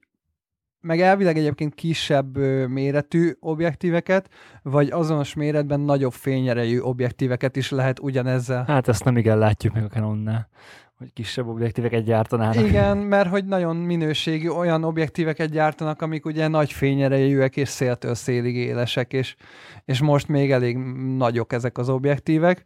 Hát meglátjuk, mit hoz a jövő, de tök egyértelmű a fejlődés, és teljesen látszik, hogy innentől, ahogy mondtuk is az előbb, hogy a Canon azt nyilatkozta nemrég, hogy befejezték az EF bajonettekre a fejlesztést, meg, majd belinkeljük a show ezeket, és végignézhető az összes videó, és hát igen, néha egy-egy funkció miatt még mi nem látjuk a jövőt, de muszáj új bajonetteket bevezetni. Ellenben a Nikon az 1959 óta használja ugyanazt a bajonettet, és náluk is volt egy digitális átállás, meg nem mondom mikor, amikor 5 pinről átálltak 8 pinre, és akkor, akkor jelentek meg, a, akkor jelent meg ez a, a belső élességáltású motorú lencsék, a G, a G lencsék. És hozzáteszem a Nikonnál is, meg a Canonnál is, mivel már mind a kettő ö, korábbi bajonettjük is digitális volt, ezért az új bajonettet ezért tudják konverterrel még visszatenni a régi, mármint, hogy ezért tudod a régi digitális lencséket rárakni az újra, egy digitális konverter segítségével, mert mind a kettő már digitális felületű bajonett, és akkor a konvertert meg megoldja a számítási kapacitása a fényképezőgépnek igazából. A Nikon esetében nagyjából 10 évre tudunk pont visszamenni a D3 megjelenésével megjelenő lencsesort lehet rátenni a, a mostani zékre. Az akkor megjelölő 14-24, 24-70, a 70, 7200, azok voltak azok a lencsék, amik... Hát a, G, a G-sobikat lehet rárakni, a 85-öst is rá lehet, a 35-öst is, ami nem D-s, ami, ami nem ez a kallantyús megoldás még. Na de ejtsünk már egy szót arról is, srácok, hogy mi az a dolog a fényképezésben, amit hogyha megveszel, akkor biztos lehetsz abban, hogy jó pár tíz évig tudod használni utána, és nem fog elavulni, nem lesz kevésbé éles, nem lesz lassú az autófókusza, nem lesz rossz a felbontása. Derítőlap. Hát például. Az Állvány. egy, az egy jó termék. Napfény valószínű lesz, amíg fotózunk, tehát a derítőlap az egy jó. Meg ez egy, egyébként jó, hogy mondod a napfényt, mert ez az alapvetés, ez nem változik. Nagyon sokszor kapom meg ügyféltől azt, hogy hát te ezek között a körülmények között is meg tudod csinálni, és akkor hívom fel a figyelmét arra, hogy hát haver, hát fényképezés, amit művelek, ez az, ami nem változott az idők során, hogy fényt használunk. Mondjuk az a durva, hogy most már a computational fotográfia elterjedésével akár az iPhone-on belül tudod, fényeket lehet változtatni a Persze, meg, meg a portrait, portrait, portraiture szoftvert megveszed, akkor tudsz rá á- mesterséges árnyékokat tenni, de attól még hiába van magas izónk, nem a fény mennyisége lesz most a szűk keresztmetszet, hanem a minősége és az iránya. Igen. Na hát a, amiket Peti még mondott, állvány, az tényleg az igaz. Hát aki 20 éve vett egy állványt, azt ma is tudja használni. Igen, én is az állványra akartam kiugadni, hogy gyakorlatilag egy Manfrotto az kb. örök életű, és még, még a hátizsákra, meg a fotós táskákra, hogy azok is elég jó minőségűek, van, elég jó minőségűek, és nem igen. Tehát, hogy, hogyha hogy megtalálod magadnak az így kényelmes, szerethető táskát, ami egyébként nem könnyű feladat, akkor azt azért jó pár évig, meg jó pár kamerarendszerig tudod használni. Hát most vannak ismerőseim, akik mondjuk a 10 éves Lowe Pro táskája most ment szét úgy, hogy nem tudom, te 10 éven keresztül totál 10-20 kilókkal megpakolva használta. Táskákról akartam beszélni, én azzal a felütéssel akartam elkezdeni, hogy mi az, ami nem fejlődött az elmúlt tíz évben, és ezek a táskák, ha megnézem, hogy milyen pro... Ez nem igaz, Peti, ne haragudj. Most, nagy, most ebben az el, utóbbi egy-két évben brutálisat fejlődtek. Az az érdekessége a, a magyar nyelvnek, hogy mondat közben is lehet levegőt venni, vesszővel elválasztva, és itt érkeztetek most ti meg. ha megnézzük azt, hogy tíz évvel ezelőtt milyen problémával küzdöttem táska ügyileg, és milyen problémákkal küzdök most, akkor ezek nem fejlődtek annyit, amennyit én tíz év alatt azt gondolom, hogy ö, fejlődhetett volna a világ. Ugye Elon Musk megoldotta, hogy a rakéta visszajöjjön, leszálljon egy mozgó hajón, ez alatt a táskagyártók nem csinálták meg a tökéletes táskát, és ha bármikor mi hárman leülünk és táskáról vitatkozunk, azt a beszélgetést, ha tíz évvel később, vagy korábbi helyzetbe rakor, ugyanez a beszélgetés teljesen időtálló lett volna. És Vár, bocsánat, ez egy hosszú mondat, elismerem. Egy dologban viszont nagyon sokat fejlődtek, az a design. Hogy ha tíz évvel ezelőtt megnéztél tíz fotóst, így random kiraksz, akkor úgy néznek ki, mint háborús veteránok, vagy vagy nem tudom, túrázó emberek, ma pedig, ma pedig ez, a, ez a hipster vonal behozta azt, hogy finom eleganciával jelenünk meg a kis milc fényképezőgépükkel, a kis vékony, varrott bőrtáskánkkal, az elegáns kis Peak Design oldaltáskánkkal. És mégis a túrázós kinézetű kény, legkényelmesebb az összes közül, mármint, hogy százszor kényelmesebb, mint a dizájnos, letisztult, full fekete, sleek, ö, bármilyen dizájntáska. Sokkal kényelmesebb a túratáska, csak hát nyilván más. Előbb akartam hogy okosat mondani a táskás cuccoddal kapcsolatban, elfejtettem. Hát ugye például az ilyen mágneses, meg cipzár megoldások, azok sokat fejlődtek egyébként az utóbbi tíz évben táskatechnikánál, meg az anyag, anyaghasználat, ugye régen minden anyag kb. ugyanabból a vászonból volt, most meg mindenféle ilyen-olyan vízálló, szakadásmentes, meg mm, ilyen nagyon mesterségesen előállított nagyon strapabíró, nagyon könnyű anyagok vannak. Peti, mesélj már légy 365 projektedről. Most már én is kíváncsi vagyok rá. Nagyon régóta foglalkoztatott az, hogy elkezdjem. A, az elmúlt jó pár, hát másfél-két évben sokat gondolkodtam azon, hogy ami most szóba került, hogy ezt a 2010-es vonalat én annó elkerültem, elmentem rendezvény és esküvőfotó irányba, ez akkoriban szerintem részben a lustaságom, nagyban a lustaságomnak volt köszönhető. Jó, hogy beismerted ezt magadnak most, így a podcastben. Igen, ezt, ezt, ezt, el, igen, ezt el kellett ismernem. Jöttek a melók. Tehát nagyon nehéz, nagyon nehéz egyébként fizetős munkára nemet mondani, és nagyon fontos néha fizetős munkára nemet mondani. Ez lehet majd egy hossza, később egy, egy, egy komolyabb téma valamelyik adásban. Long story short, én akkor kicsit így eladtam magamat, és elmentem a fizetős alkalmazott fotós irányába, és most iszom a levét, mert, mert igényem van a sokkal magasabb kvalitású munkára, mint mint amit most csinálok. Ezért tanulok a Gábortól retusálni, ezért ülök le újra színezni, tanulni, és egyébként az előbb, amikor beszéltünk, hogy a fényképezőkről sokkal könnyebb beszélni, nekem sem esik jól, amikor a Gábor azt mondja egy fotómra, hogy Péter, ez szar. És ez tíz évvel ezelőtt is szar lett volna, foglalkozz vele, tanulj meg színezni, tanulj meg retusálni, mert ennél te jobbat is tudsz. Hát igen, mert ha, ha folyamatosan az ügyfelek igényeit elégíted ki, akkor egyre inkább meg tud kopni a saját víziód, és ha nem tudod képekben kommunikálni, úgymond saját projekteken keresztül a saját látásmódodat, hanem folyamatosan csak rendezvényekre jársz, meg esküvőkre, meg nem tudom, és ténylegesen mindig ugyanazt és ugyanazt és ugyanazt csinálod, és nem szánsz a saját fejlődésedre, és tíz éven keresztül gyakorlatilag ugyanazokat a munkákat csináltad, akkor meg is álltál ott a fejlődésben, ahol tíz éve voltál, sőt, mivel az a tudásod az nincs itt a fiókban azonnal elérhető formában, ami tíz éve volt, ezért még akár az is lehet, hogy rosszabbul fotózol, mint tíz éve, mert nincs meg már a saját projektekhez, vagy a saját vizualitásodhoz sem az a rutin, ami mondjuk tíz éve még megvolt. Amit én az elmúlt tíz évben például felfedeztem, hogy a fotográfia az nagyon nagy arányban nem fotós tudás, hanem az egy ö, hiteles életben való jelenlét és fotós tudás, és technikai tudás, és nagyon sokféle tudásnak a, a, az izgalmas elegye. Tehát amit például a fotós tudásban lassultam, koptam, öregettem, mondhatjuk, azt más területeken pedig fejlődtem. Tehát sokkal magabiztosabb ember vagyok ma, mint tíz éve voltam, sokkal könnyebben kezelem a stresszes helyzeteket, meg, meg azért az a felgyülemlett rutin, sok elrontott pillanat is gyarapított igazából, tehát azt én nem merném kimondani, hogy rosszabb fotós vagyok, mint tíz éve, de más irányban fejlődtem, amerre igazából a szívem húz. És én nagyon szeretnék sokkal jobb portréfotós lenni, szerintem ezt már nagyon sokszor elmondtam, és a 365 projektnek ez az egyik kulcsmotivációja. Én megpróbálom úgy elkészíteni ezt a projektet, hogy annak hát én úgy fogalmaztam meg, legalább 150 kötőjel 200 kép portré legyen. Most egyelőre úgy nézünk ki, hogy 8-ból egy nem, nem, nem portré, ugye a diót fényképeztem le az egyik este kínomba, aztán lehet, hogy lesz olyan durva kínom, hogy a nagy lábujjamat fogom lefotózni. Lesz. ugye lesz? Jó. Az lesz.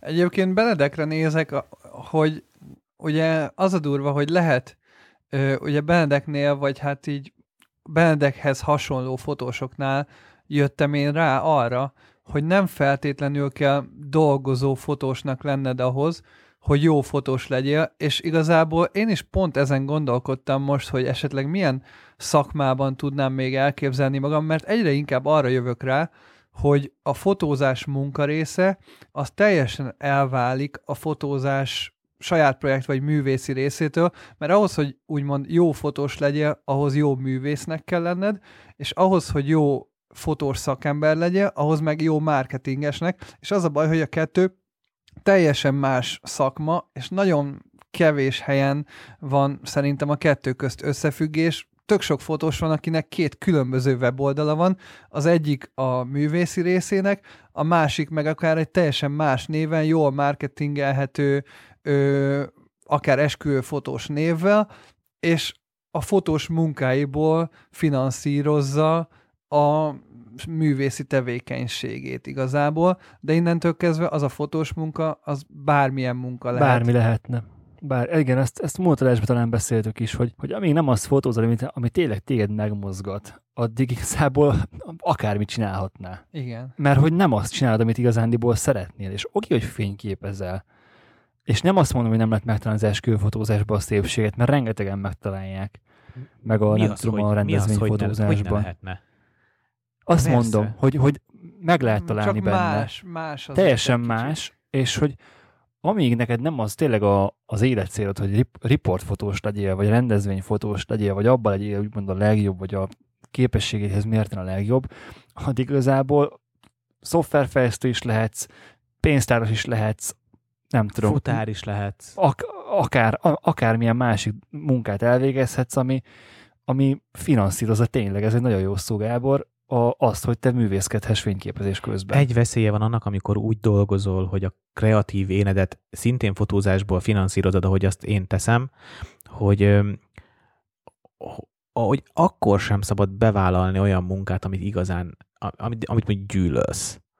Tehát, hogy nem, nem kötődhet a fotózáshoz olyan, amit, amit darabra csinálsz, mert különben nem lesz, nem lesz örömöd. Én ezt tapasztalom, akkor ugye ha saját, saját jó tanácsomat megfogadom, és magamról beszélek, akkor azt mondom, hogy én megtapasztaltam azt, hogy, hogy elvállaltam olyan munkát, amit nem szerettem fényképezni, mert egy barátom barátja beállt, jaj, segítsd már ki őket, csináld meg őket, és kiderült, hogy attól még, hogy valaki a barátom barátja, nekem nem lesz a barátom, és nem egy szimpatikus ember, és ugráltat, csicskáztat, nem úgy beszél velem, ahogy én azt szeretem, magában a projektben nem úgy vesz részt, ahogy én azt szeretem, nem bízza rám, amit rám kéne bízni, és rám bízza, amit nem kéne rám bízni, és ettől nem lesz öröm a fotózás. És ez megeszi egyébként a, a, az art projektbe vethető energiákat is. Én nem, és ezért szerencsésebb, hogyha nem innen szeded a, a, a zsét az ártra egyébként.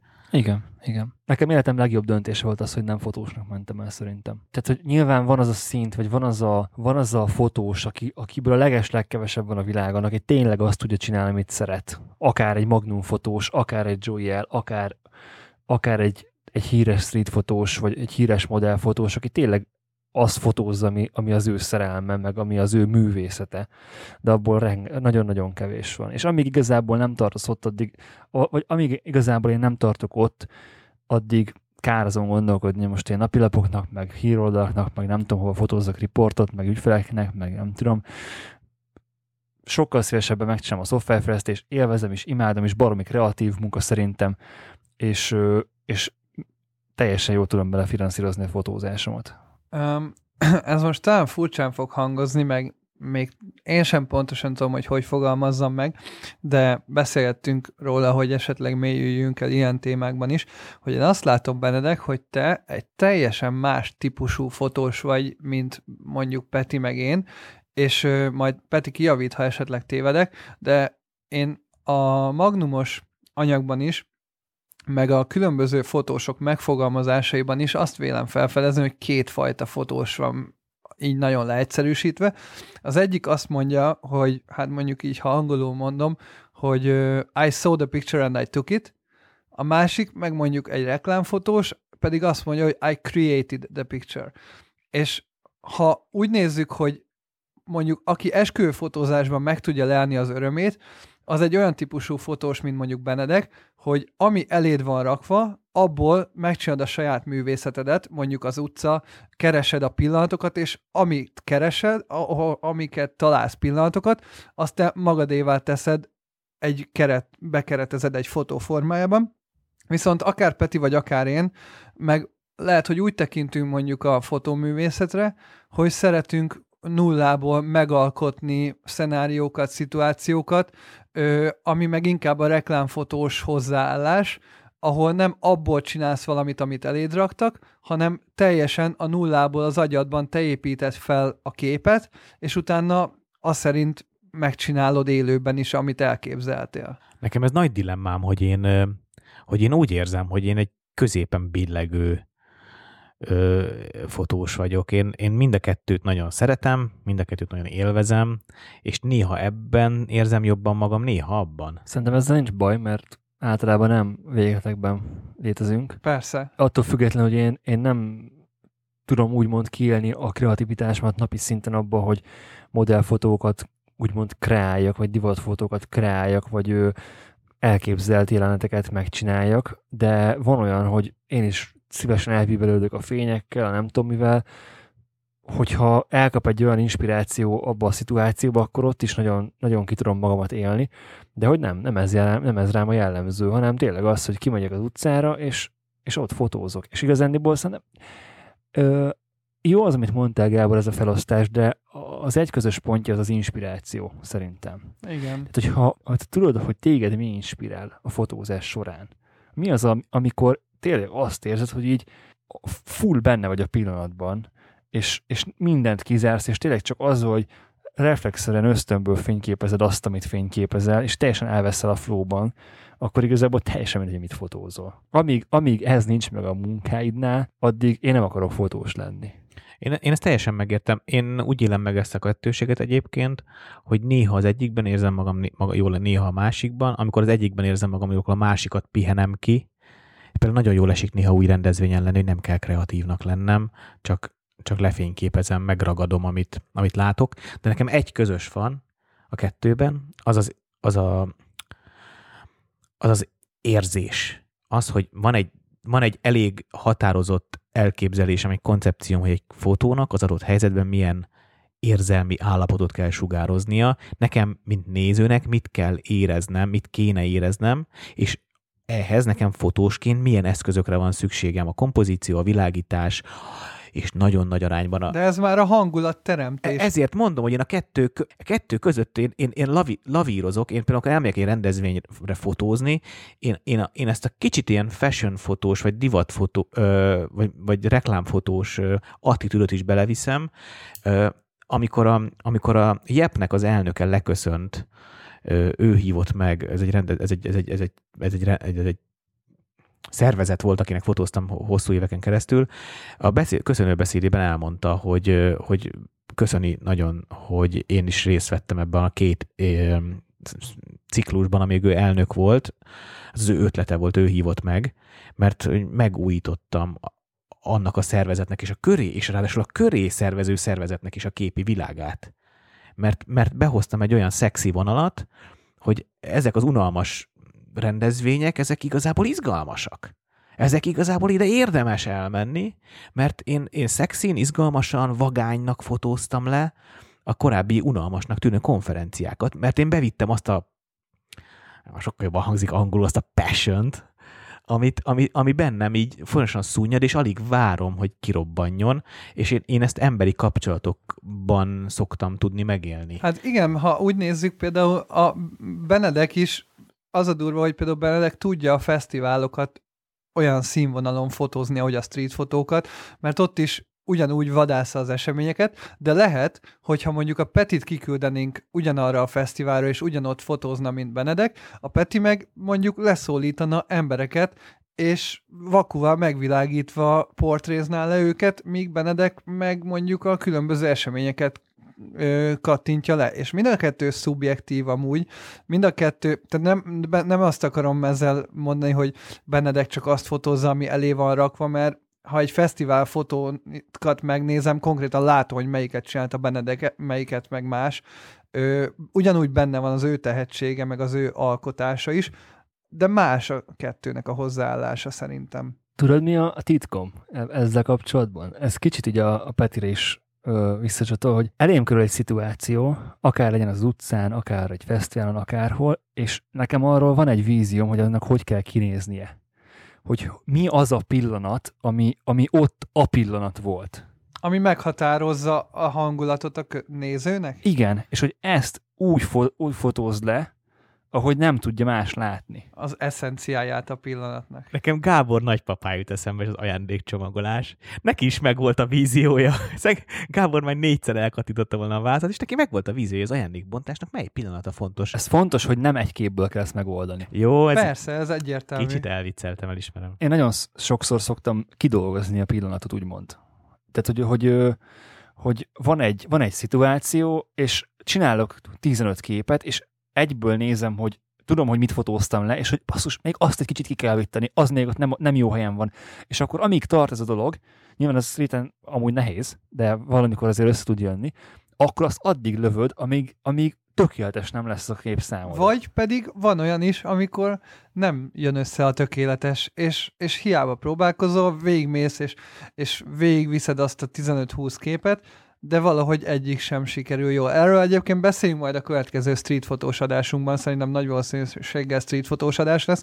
Peti, picit menjünk már vissza még a 365-re, hogy most így milyen érzés neked a 365-öt csinálni, mert például én csomószor mondtam neked picit a saját hozzáállásommal, hogy próbálj meg akár a körülötted lévő dolgokat lefotózni, de te már eleve az elejétől nagyon abban a hozzáállásban csináltad, hogy na majd én akkor megszerkeztem, megtervezem a képet, kimegyek, és akkor portré, és már így megvolt a fejedbe, hogy Ez a lényege, a hogy legyen meg a fejembe, amit csinálni akarok. De ugye én meg azt is írtam a 365-ös blogposztomban, hogy amikor fejlődni akarsz, akkor nem a mostani agyaddal kell gondolkodni, mert ha a mostani agyaddal csinálsz egy commitmentet, akkor nem biztos, hogy az jóra vezet, mert egy évvel később meg a teljesen más, hogy gondolkodnál a fejlődött ö, hozzáállásoddal. És hogyha a mostani ö, állapotodban lekorlátozod magad, akkor lehet, hogy a fejlődést korlátozod. Lehet, de ezért szerencse, hogy ez nem egy hét, hanem egy év. És ö, megadom magamnak a lehetőséget, hogy ma legyek, hogy a jelenbe legyek, hogy a jelenbe fotózzak, és a jelen lehasson a jövőre. Ahogy a Benedek mondta, és ez nekem nagyon tetszett, mert a modellfotóban is ezt csináljuk, amit te, Benedek, a, a, a rendezvényre vagy a fesztiválra mondtál, hogy kigyúrom a pillanatot. A modellfotózásban is, nem tudom, Gábor, te ezt csinálod-e, hogy nem biztos, hogy azt akarom lefényképezni, amire ráemelem a kamerát, hanem az csak egy ilyen kis előjáték, egy kicsit modellformázás. Én az ügyfelémnek szoktam mondani, nem vagyok benne százszázalékosan biztos, hogy igaz, de annyira jó sztori, hogy, hogy meg tök jó ilyen small talk a fotózás elején, hogy ne aggódjatok semmit, az első tíz percben nem fog készülni hasznos fotó, képzeljétek el, hogy régen a filmes érában nem is fűztek az első tíz percben filmet a kamerába. Ja, ezt én is el szoktam mondani. De ez csak nem fogalmas is, hogy igaz-e egyébként, de annyira jó, meg megnyugtatóan hat szerintem, hogy észrevettem megnyugtatóan az ügyfeleimre, hogy ez, egy ilyen, ez ilyen, ilyen stabil sztori, hogyha kis izgulást látok, akkor ezt bedobom. És egyébként tök izgalmas tapasztalata most a, a tegnapi fotózásnak, hogy én végül az első képet választottam. Ez volt az első. Ott, tehát, hogy messziről kinéztem a helyszínt, ahol oda viszem a lányt, volt egy koncepcióm, hogy fogom ö, pózoltatni, elővettem a táskával a kamerát, felemeltem a kamerát, befolytottam az arcát, elkatítottam a képet, és, és azt mondta, igazából mo- ott a helyszínen már éreztem, hogy tulajdonképpen igazából haza is mehetünk. És gyúrtam meg, mit tudom én, nem lettek rosszak a utána lévő képek se, de számomra az érzelmi kapocs az elsővel lett olyan erős, ami, ami miatt végül azt posztoltam ki. Megengeditek, hogy kicsit meséljek a fotókról? Vagy a magáról a folyamatról? Mert hát szerintem a fotóról... Nagyon rövid leszek. Vagy a fo- konkrétan a fotók? Nem inkább a lelki oldaláról. Nagyon durva, hogy ugye pont ez, amiről beszéltem, hogy előre kinézted a helyszínt, a fényeket, az arcát befordítottad úgy, ahogy te akartad, meg szóval, hogy abszolút az látszik, amit mondtam, hogy nyilván te inkább megkreálod hát ez, a De hát fotót. ez az én 365-ön basszus. Persze, azért mondom, hogy az tök jó, tehát nyilván ö, többféle fotós létezik, és ilyen szempontból ez érdekes. A, a, amit el szerettem volna ezzel kapcsolatban mondani, hogy az első nap az, az mindjárt egy olyan volt, hogy elsője van, este van, és én még nem csináltam semmit, ez egy tök pánik szitu volt, és nagyon nagy mázlin volt, hogy Dani barátommal megbeszéltük, hogy kimegyünk sétálni a várba, és ha már kimentünk a várba, akkor úgy voltam vele, hogy kiviszem a, a Manfrotto LED lámpát, aztán valamit fogok vele csinálni, és végül az mentette meg az első napomat.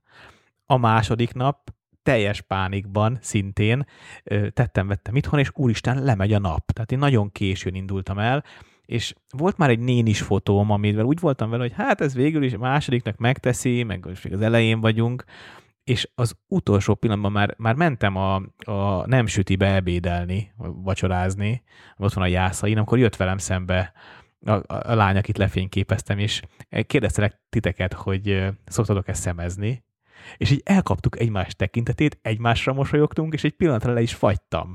És úgy kellett kapcsolni, ho-ho, állj, állj, állj, te 365 fotózol, Peti, ne érd be ennyivel, hogy rámosolyogtál egy lányra, fordulj utána, szólítsd le, és, és baromi jó fej volt.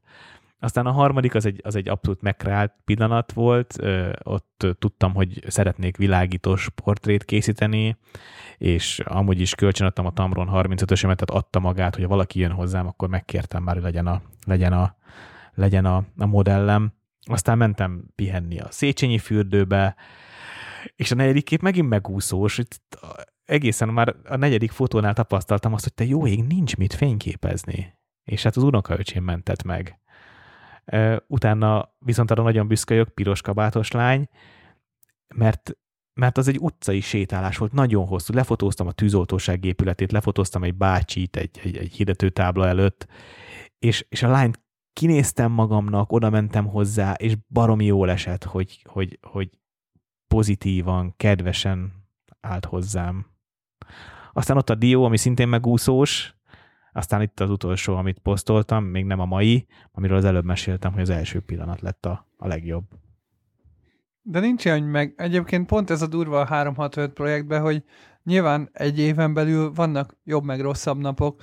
Nincs ilyen, hogy megúszós, mert nem tudsz, mi, nem tudod mindig ugyanazt az órát beletenni, és a fotós karriered során is nem tudja egyik fotós sem eljátszani azt, hogy mindig a következő képe jobb legyen, mint az előző. Mindig vannak jobb és rosszabb képek, jobb és rosszabb napok, és ugyanúgy emlékezetes fog maradni, picit ez is a célja a 365-nek, az, hogy dióval kimentél és lefotóztad, és ránézel erre a képre majd két év múlva, három év múlva, ugyanúgy emlékezni fogsz erre a napra, vagy ugyanúgy, ha ránézel a Széchenyi fürdőse, vagy bármi. Egyébként még én azt akartam, hogy miért nincsenek be teggelve az Instagramon a lányok, mert ír, még írtad is az utolsónál, hogy az Instagramja tök jó, és így nincs az Instagramja feltüntetve sehol. Tök érdekes, mert be van teggelve. Nincs. Nincs. Aha, akkor, a, akkor nem engedte meg. Tehát akkor nem hagyta jóvá a privát az instája.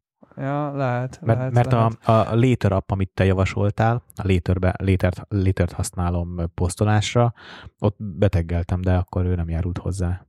Uh-huh. És a, amúgy az E6-tal lövöd az összes ö, fotót? Nem, mert van, amit az E50-nel. Ja, valamit az E50-nel is. És mi dönti el, hogy melyikkel? Hát, hogy melyikkel van kedvem fényképezni? ja, ja, hogy csak így. Ennyire egyszerű, Gábor. Azt hittem van valami nagyon megfontolásod Nem, is, de Nem semmi. Okay. Hát, a, a, bocs, annyi, annyi, annyi, annyi szűkítés van, hogy a, az 50-esre működik a mist filter. És az 50-est, ö, ha az Z6-on használom, akkor 50 milli, ha a Z50-en, akkor 70. Hát neked nagyon kéne már az a step up ring sor egyébként, hogy bármire, bármit rárakhass. És mm, mik a terveid, hogy ö, mi a minimum elvárás önmagad felé, amit mindenképp szeretnél teljesíteni ezzel a projekttel? Hogy élvezzem. Tehát amikor már nem élvezed, akkor abba fogod hagyni? A nem élvezem, ez egy érdekes dolog, mert joga közben is, amikor például nehéz egy gyakorlatot csinálni, akkor az nem azt jelenti, hogy abba kell hagyni, hanem meg kell ízlelni a, a Hát fájdalmat, tap, meg kell tapasztalni, mi is ez az érzés, amit érzek, és hozni kell egy döntést, hogy folytatom vagy sem. Különben sose jutottam el volna el a plenkelésben 15 percig két évvel ezelőtt, hogyha a fájdalomnál mindig feladtam volna. Most négy, négy és fél percnél járok, most újra elkezdtem. Nem tudom. Azt mondják, hogy célok kellenek ahhoz, hogy, hogy dolgokat véghez vigyünk az életbe. Én, én, én egy évet tűztem ki, én nem, nem, nem, nem gondolkodtam kisebbe. Én ezt végig fogom csinálni. 2015-ben én is elkezdtem egyébként ezt a projektet, de én április környékén abba is hagytam, és ö, én, én ott is nyilván ugye a saját témámat, az utcát választottam ennek, és, és én szerintem nekem a maximalizmusom ö, vetett ennek véget. Ugyanis amikor már a, nem tudom, harmadik hete a rosszabbnál rosszabb képeket gyártottam, a saját szememben rosszabbnál rosszabb képeket, akkor azt mondtam, hogy igazából ez nekem nem ad semmit. Tehát, hogy csak azért kirakni valamit a rossz képek közül, mert hogy ma is ki kell tenni valamit, és mert most például ma se volt olyan pillanat, amit érdemes lenne megörökíteni, vagy érdemes lett volna megörökíteni. Nyilván mindig meg lehet találni a Dunának a szépségét, meg a villanyosztapoknak a szépségét, meg a naplemente szépségét, de az a tizedik kép után már nagyon unalmas, meg, meg amúgy sem ilyen képeket szeretnék csinálni. És, és ezért, ezért, ezért maradt ez nekem. Emlékeztek, mit mondott a Magnum videós fotós, hogy hány hónapig nem volt jó fotója? Három? Hát mondom, két-három hónapig csak így, ja, mondta a Bruce Gilden, hogy van, hogy kiállt az utcára, és, és nem volt. Ez nagyon igaz, viszont vele ellentétben nekem naponta kellett volna posztolnom. És egyébként, amióta megvan a, az X Pro, azóta gyakorlatilag tényleg minden nap nálam van a gép. Minden nap majdnem, hogy fotózok vele. És kimondatlanul kvázi csinálok egy 365 projektet, mert hogy tényleg majdnem minden nap fényképezek. De nem kell megosztanom. Nincs rajtam az a nyomás, hogy ma is kell kitenned valamit. Érted? És hogyha nem volt aznap, munk, aznap olyan pillanat, akkor nem, nem rakok ki semmit. És lehet, hogy hetekig nem rakok ki semmit, aztán lehet, hogy egy, egy nap alatt csinálok öt jó képet. Hát ez ilyen hozzáállás kérdése, mert persze lehet úgy is 365-öt csinálni, hogy nem rakod ki, csak úgy könnyebb abba hagyni. Sokszor ugye a publicitásnak a nyomása, ami hozza az, hogy minden nap fotóz. Itt nem azt mondom, hogy 365-öt akarok csinálni, mert szó sincs róla, csak hogy hogy az a rutin, hogy én képeket alkotok napról napra, a mindennapi életről, az megvan. Én a nyomást mondom, hogy Peti, ha nem rakja ki ezt publikusan, hogy ő csinál 365 projektet, akkor például tegnap nem kelt volna fel, nem ment volna ki fotózni, stb. stb. Tehát, hogy van ez a nyomás, ami pont ezen segít túllendülni neki. Persze, de mögé Petinek teljesen más a téma és meg az egész koncepció, mint nekem volt. És hogy én azt akartam ezzel az egészen mondani, hogy azt, amit nekem adhatott volna 360 hogy rendszeresen napról napra fényképezzek, az igazából megvan. Anélkül a nyomás nélkül nekem minden nap értékelhető képet kell alkotnom. Mert egyszerűen van olyan, hogy hetekig nincs az utcán értékelhető Meséltem már nektek az impróról, négy szem közt hogy tavaly, tavaly elmentem egy improvizációs szín, a Grund színházhoz elmentem egy improvizációs tanfolyamra, mert szerettem volna kicsit a szociális kapcsolódási képességeimet, a, a, a, az improvizációs képességeimet nyilvánvalóan, a konfliktuskezelési képességemet fejleszteni, és egészen váratlan dolgokat tanultam. Az egyik ilyen dolog, hogy merj hibázni hogy ott azt tanultuk meg, hogy, hogy bátran mondd ki, ami a ösztönösen jön belőled, és legfeljebb nem lesz jó. Ne ítéld meg magad, és ne hagyd, hogy, hogy mások megítéljenek, vagy ha megítélnek, akkor szar le, mert a legjobbat akartad csinálni, és, és én azt várom ettől a 365-től, hogy ebben, ebben segítsen.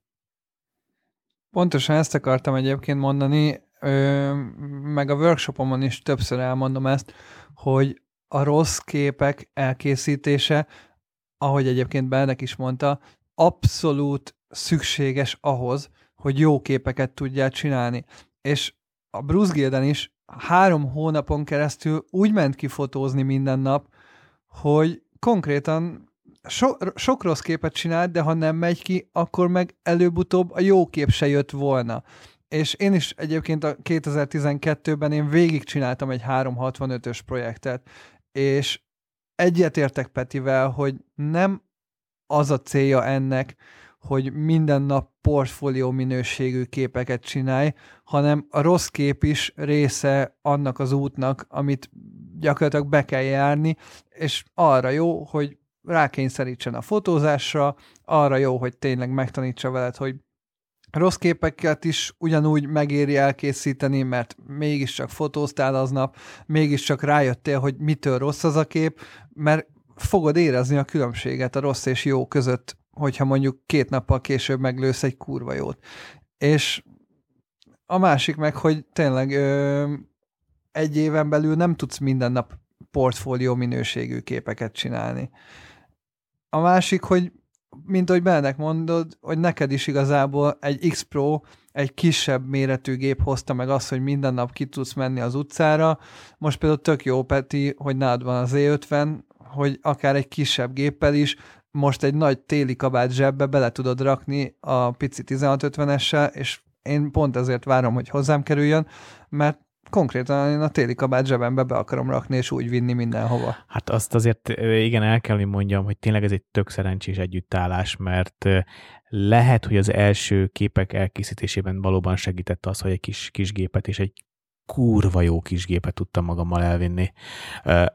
Most tök jó, hogy pont a mai adásban került rá sor, feldolgoztuk az elmúlt tíz év eseményeit, és én nem tudok a fotós pályafutásomról, ö, olyan gépet mondani, ami belépő szintű kamera, és, és, és imádni való volt használni, mert volt már, hogy a kezembe adtak egy 3100, 3300, 5200-as Nikont, és fotós vagy old meg, és akkor úgy beállítgattam, és úgy nagyjából tudtam vele fényképezni, de hogy élmény lett volna fotózni vele, srácok, ez a Z50, ez, ez tudja azt, amit a, amit a nagyok, csak piciben, és ez, és ez végre igaz, mert ha emlékeztek, gyakorlatilag mindig is ez volt a szlogen tükrös gépeknél is mindig ez volt a szlogen. Hát ez olyan, mint a nagyobb, csak egy picit, kicsit kevesebb megapixel, kicsit kevesebb izó, kicsit kevésbé responsív.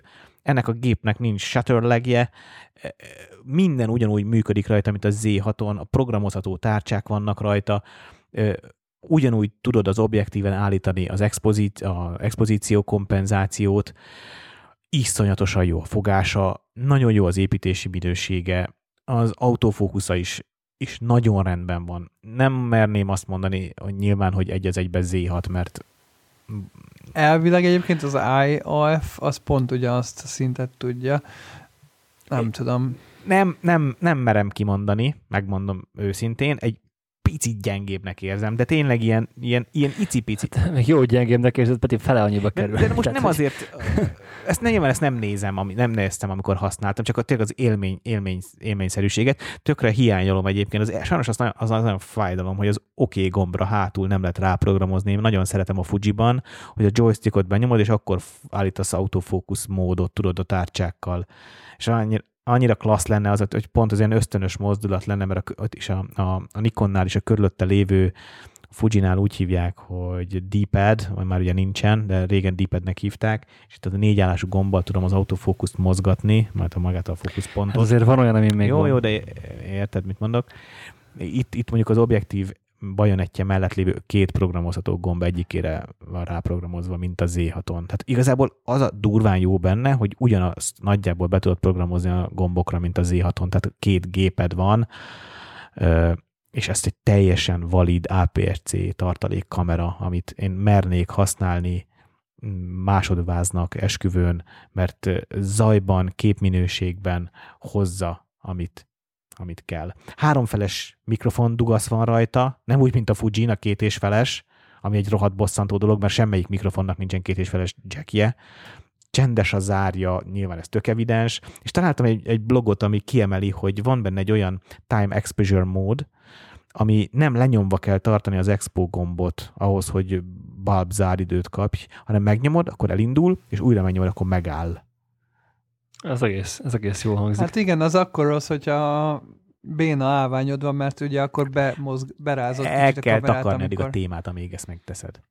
Tehát Mhm. eltakarod a témát, lenyomod a gombot, elindul, elveszed a kezed, lefut a záridő, eltakarod, leállítod. És akkor megvan. A Mhm, Fujik hát. egyébként ennél is jobbak, mert ott meg bármilyen záridőt be tudsz állítani. Tehát Na, az a, az Hát a nem legjobb. Én soha nem értettem, miért van 30 másodperces limit a gépeken. Az teljes nonsens igazából. Például pont most az analóggal fotóztam éjszakai képeket, és a 30 másodpercnél nem tudott tovább tekerni, és ugye vettem eBay-ről kioldót, és ezt még nem is meséltem tegnap, amikor mentem ki. Tudjátok, hogy mondta, hogy négy frame-ért megfagytam, de abból 8 frame lett igazából, mert véletlen beakadva volt a bulb módban a kioldó, véletlen megnyódott, vagy nem tudom, és amikor obit cseréltem, akkor lement az ár, meg nem tudom, csinált pár képet, meg ilyenek, szóval, hogy így kicsit meghűlt, és akkor így nyolc képet elcsesztem a tök jó filmről. képek lesznek majd valami albumba háttérnek. Uh, Kíváncsi lennék rá úgy azokra a képekre már, Gábor. Az E50-ben még tök jó, hogy SD kártyás, ugye, nem XQD, ami sokkal elérhetőbb. Viszont a, ami nagyon nagy bosszantóság, hogy csinál, egy kicsi akut raktak bele. Lehet, hogy a markolatfogása miatt, oké, okay, meg lehet magyarázni, de hát a Z6 aksiával ez egy fú de, fú de erős kiegészítő kamera Hát igen, lenne. főleg, hogy kevesebbet is fogy- fogyasztana, tehát még tovább is bírná ugyanazzal az aksival. De például a keresője szerintem nagyon durván jó, annak ellenére, hogy méretre nem akkora, de felbontásra azt hiszem akkora, tehát hogy tényleg tök jó a keresője, meg öm, én igazából még kifelejtettük, hogy mi az, amit régen, amire én régen nagyon vágytam volna technikában, tíz évvel ezelőtti technika, és pont az utolsó sony adásunkban is pont ezt fogalmaztam meg vágynak. Várjál, Gábor, a, szelek, a szel, beépített szelektív color mód? nem, ha, hanem az lett volna a vágyam régen is, hogy felemelem a kamerát, és ugye wide módban tudja azt a kamera, hogy én mit akarok fotózni, ugye ha most már a tükör nélküliekkel van ilyen objektérzékelés, és érzékelik az arcot vagy a szemet, és a fénymérést is annak megfelelően állítsa be, tehát hogy a, ha az arcot érzékeli, akkor tudja azt, hogy én valószínű az arcot azt kiexponálva szeretném látni a fotón. És, és ezt egy 5D2 korszakban még nem tudtad megcsinálni, hogy felemeled, és azonnal automatikusan érzékeli a témát, meg a fényeket, meg mindent, és jól meglövi.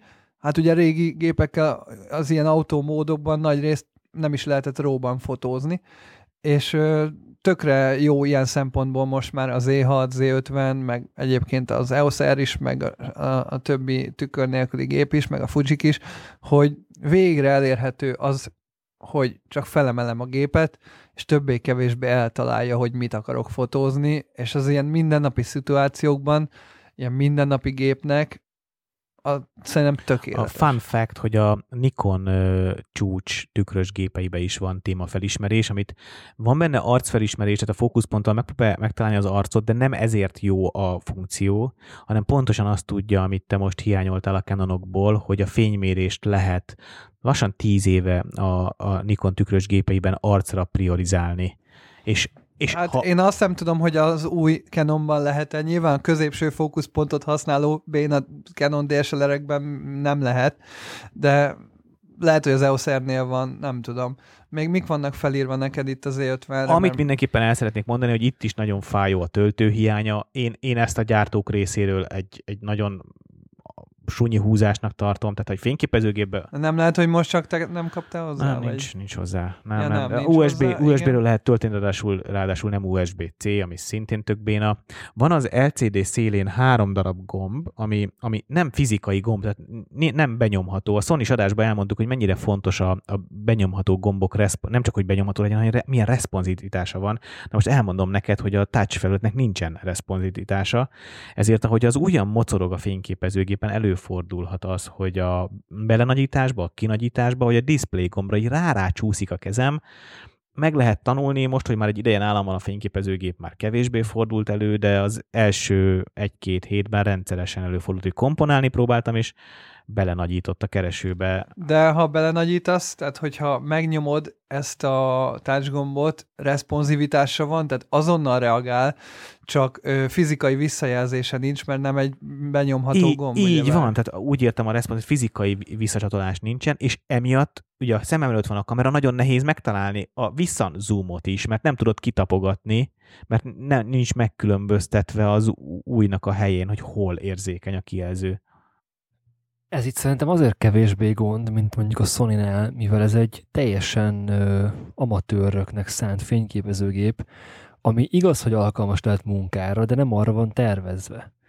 És ez egy kis cuki feature, és aki egy átlag felhasználónak, ez lehet, hogy tök De halál, hal, halál felesleges, mert megbonyolítja a használatot, mert azt a részt nem lehet például kesztyűbe használni, még az összes többi részt lehet kesztyűbe használni. Ja, igen, mondjuk az igaz. Ja, az jogos. Hát vannak ilyen dolgok, de hogy érted, pont ezt mondom, hogy, hogy limitációk. Igen, és, és én azt is érzem ezen a, ezen a funkció részen, hogy ezt azért rakták bele, hogy ne legyen a Z6-nak egy, egyértelmű, mert annyira rohadt jó, hogy muszáj volt egy kis butitást belerakni, hogy elszeparálja a, a, a két fényképezőgépet. Ö, Amint szintén nekem nagyon hiányzik a Nikon tükr, Mills gépekből, amit a, nagyon jól tudnak a Canonok, hogy a fókuszpontot azt lehet az LCD-n hátul húzni. Tehát én az LVF-be nézek bele, és szépen benyúlok itt az arcom mellett, és a fókuszpontot tudom pakolgatni a touch felületen, és sajnálom, hogy ezt a, ezt a Nikon, Nikon nem tartja fontosnak. És két-három dolgot még felírtam, ami hát egy vicces van benne, hát olyan mesélt, Selfie-ztél már vele? igen, a selfie mód az egyik ilyen, a, amit ugye ha állványra rakod, mert selfie, tehát selfieznél, akkor állvány van, pont betakar az állvány csatiba. Alul lehet Igen, visszahajtani ugye a kijelzőjét. Lefele lehet visszahajtani. Mondhatjuk azt, hogy ez egy plusz feature, mert ha a kezemben van a kamera, akkor nincs útban, de állványos selfie-re így igazából nem alkalmas, de én mondjuk ezt nem is, ezért ezt ilyen, ez ilyen semleges tulajdonságként mesélem el. A másik az a Selective Color mód, amit viccnek mesélek, csak el tényleg van beépített Selective Color mód, egy ilyen pipettával ki lehet jelölni a képen, mely szín szeretnéd megtartani, azt megtartja, az összes többit pedig eldobja, és JPG-be lementi a fotót. És egy érdekesség, azért, hogy a kamera pici legyen, ezért magát az objektívet is ki be lehet kapcsolni. Amikor kikapcsolod a lencsét, akkor egy gyűrűt elcs- elcsavarsz, és beszippantja magát egészen picire, gyakorlatilag egy négyzet alakú lesz így az ob- a maga a fényképezőgép, nem lóg ki belőle a lencse, ami nagyon kényelmes, mert zsebre lehet dugni, de használat közben tapasztaltam ebben egy gondot, hogy kiveszem a zsebemből a, a fényképezőgépet, bekapcsolom a mutatóujjammal, és kell hozzá a másik kezem, a bal kezem, hogy bekapcsoljam az optikát is. Vagy lehet azt csinálni, hogy bekapcsolva tartom, és akkor kidugva marad, és akkor lesz egy nagyobb kamera. Ez is egy jó lehetőség, hogy be lehet csukni, de ugyanakkor tud minimális kellemetlenséget okozni. Szerintem azt a plusz egy mozdulatot az a pici obi megéri. Tehát, hogy inkább, mint hogy nagyobb legyen az obi alapból. Igen, Én, én, is erre jutottam, és ez, ezért is mondom, hogy ez egy, ez egy semleges tulajdonság, ez erről, aki ilyen gépet vásárol, az jó, ha tud talán. rohadt jó. Egyébként, ami meg de ami döbbenetes, hogy 6-3 az 52-50-nek a vége. 6-3, hát az milyen pici luk. És képzeljétek el, egy jazz koncerten a szakszofonos a kezét le tudtam vele fotózni, éles, nem bemozdult kép lett, és a, a bőgős, a nagy bőgősnek, ahogy pengeti a húrokat, a, a körmét le tudtam fényképezni, a néző. Hát ez igazából izó, meg záridő kérdés. Azt néztük egyébként egy videóban, hogy ö, nagyjából 6400-nál válik el az E6 az E50-től, tehát ott kezdenek az E50-nél előjönni sötétben, meg nagyon finom színátmeneteknél erősebb zajtextúrák az E6-hoz képest, de hát basszus, APS-C-vel 6400-as izóról beszélünk, az nonsense. brutális. De hogy, nagyon de hogy kemény. Ezt, amit most, amit most én megfotóztam a Z50-nel, egy 6-3-as végi obival, hogy a, a jazz bőgősnek a, az ujjait fényképeztem, ez 10 éve, ha már 10 éves adás, egy top tükrössel gond lett volna. Egy 2.8-as, egy hát 2.8-as Hát a, ahogy mondtuk, hogy színházban is egy-kettes lencsékkel mentek, mert ilyen ISO 1600-nál már szar volt a dinamika, meg a színmélység, meg ilyesmi. Meg még én akartam gyors kérdezni, hogy mind a ketten ugye eléggé most így rendszeresen napi szinten használtok tükör nélküli gépet, hogy mennyire sűrűn használjátok az elektronikus, teljesen csendes módot, mert ugye az picit butított, a szenzornak a sebessége miatt, de ugye teljesen csendes, hogy a Benedeknél én elég sokszor tapasztaltam, hogy abban a módban volt állítva neki, amikor én kipróbáltam. Nyáron sokat használtam, ugye egyrészt mivel rengeteg fény van, és volt, hogy ugye kevés volt még az 1 per 8000 is, vagy sok volt az 1 per 8000 is, és ugye akkor tök hogy le tudsz menni akár 1 per 30 ezredig is, Viszont télen ugye nagyon hamar sötétedik, és én nem szeretem, amikor becsikózódik a fénykép az elektronikus zár miatt. Hát igen, mert ott meg már nem természetes fények vannak, igen, ugye? Igen, igen, és emiatt mostanában rászoktam igazából a, a mechanikusra, valamint a Pro 3-nak sokkal szebb az árhangja, mint a Pro 2-nek, pedig azért az se volt csúnya és valahogy ilyen puhább, ilyen kicsit halkabb, és hogy igazából már majdnem, hogy mindig azon van. Tegnap volt egy olyan érdekes szitu, hogy a Pro 2 azt legtöbbször úgy használtam, hogy M, tehát a mechanikus zár plusz az elektronikus, hogyha már kevés, és a Pro 3-ra rátettem egy tárcsát, azt, hogy megnyomod a tárcsát, és akkor jobbra-balra tekergetve tudod ugráltatni az, az eme, a mechanikus zárat, meg az elektronikus zárat. És hogy nem is, nem is állítottam még kb. soha arra, hogy váltson 8000 fölött automatikusan, és egy, a, egy, egy árnyékot akartam lefotózni az aszfalton, és annyira sok volt a fény, hogy F2-n beégett a kép 8000-nél. Bennek tudtad, hogy lehet rekeszelni. De, de... hogy lehet? Hogy lehetne, Gábor? Akkor minek, akkor minek veszel fényes objektívet, ha lerekeszelsz? F2-n beégett, hát basszus, vidd le F2 80 és egy betont fotóztál. hát ez... És Peti, amúgy egyébként azt elismerem a Pro 3-nak, meg egyébként az E6-nak is, a zár hangja az gyönyörű szép. Az E50-nek most nem emlékszem annyira milyen volt az árhangja, az Peti az E6-hoz képest milyen? Vagy ja, tudsz egyet kattintani, de közel a mikrofonhoz. Jaj, jó, megfogtál, nincs benne kártya, és le van tiltva a kártya nélküli exponálás. Oh, uh, én, én addig válaszolok, addig válaszolok a kérdésedre. Én, én, én a Milcel nem tartom fontosnak a, a csendes expót, e, mert annyira csendesek már, hogy, hogy igazából nem zavaró. Komoly zenei koncertem, én egyébként vettem használt azt, akkor, akkor még Fuji T2-vel fotóztam, hogy azok tudod, hogy nagyon egészen csendes részek is tudnak benne lenni, és, és azok, amikor a, a karmestert fotózod egy ilyen nagyon feszült pillanatban, akkor azért tud nagyon jól jönni, hogy egyáltalán semmilyen hangja nincs a fényképező, fényképezőnek. Ja, objektívet be kell kapcsolni, na, lessék, látjátok? Próbálkoztam. Valami nagyobb záridőt tegyél már rá, Peti. Ja, ilyen egy rendes záridőt tegyél már rá. Van. Ja, ez rendes 250 milyen záridőt tegyek rá? Mit szeretnéd? Ez volt a 250? Ez volt a 250 gyerekek. Figyelj, ez a 1000, 1600. Oké, okay, akkor a, a Tripodcast ASMR-t mostantól elindíthatjuk, és akkor szerintem ezzel vége is az adásnak. Azt mondanom se kell, hogy az objektívek teljesen csendesek. Semmilyen élességeltási zaj nincsen. Tehát zero, nulla. Én nem akarom visszaadni. Ezzel zárom a Z50 teszt sorokat és mondatot. Hát ezt az adásunkat is a Nikon, a Tripont és a Manfrotto támogatta.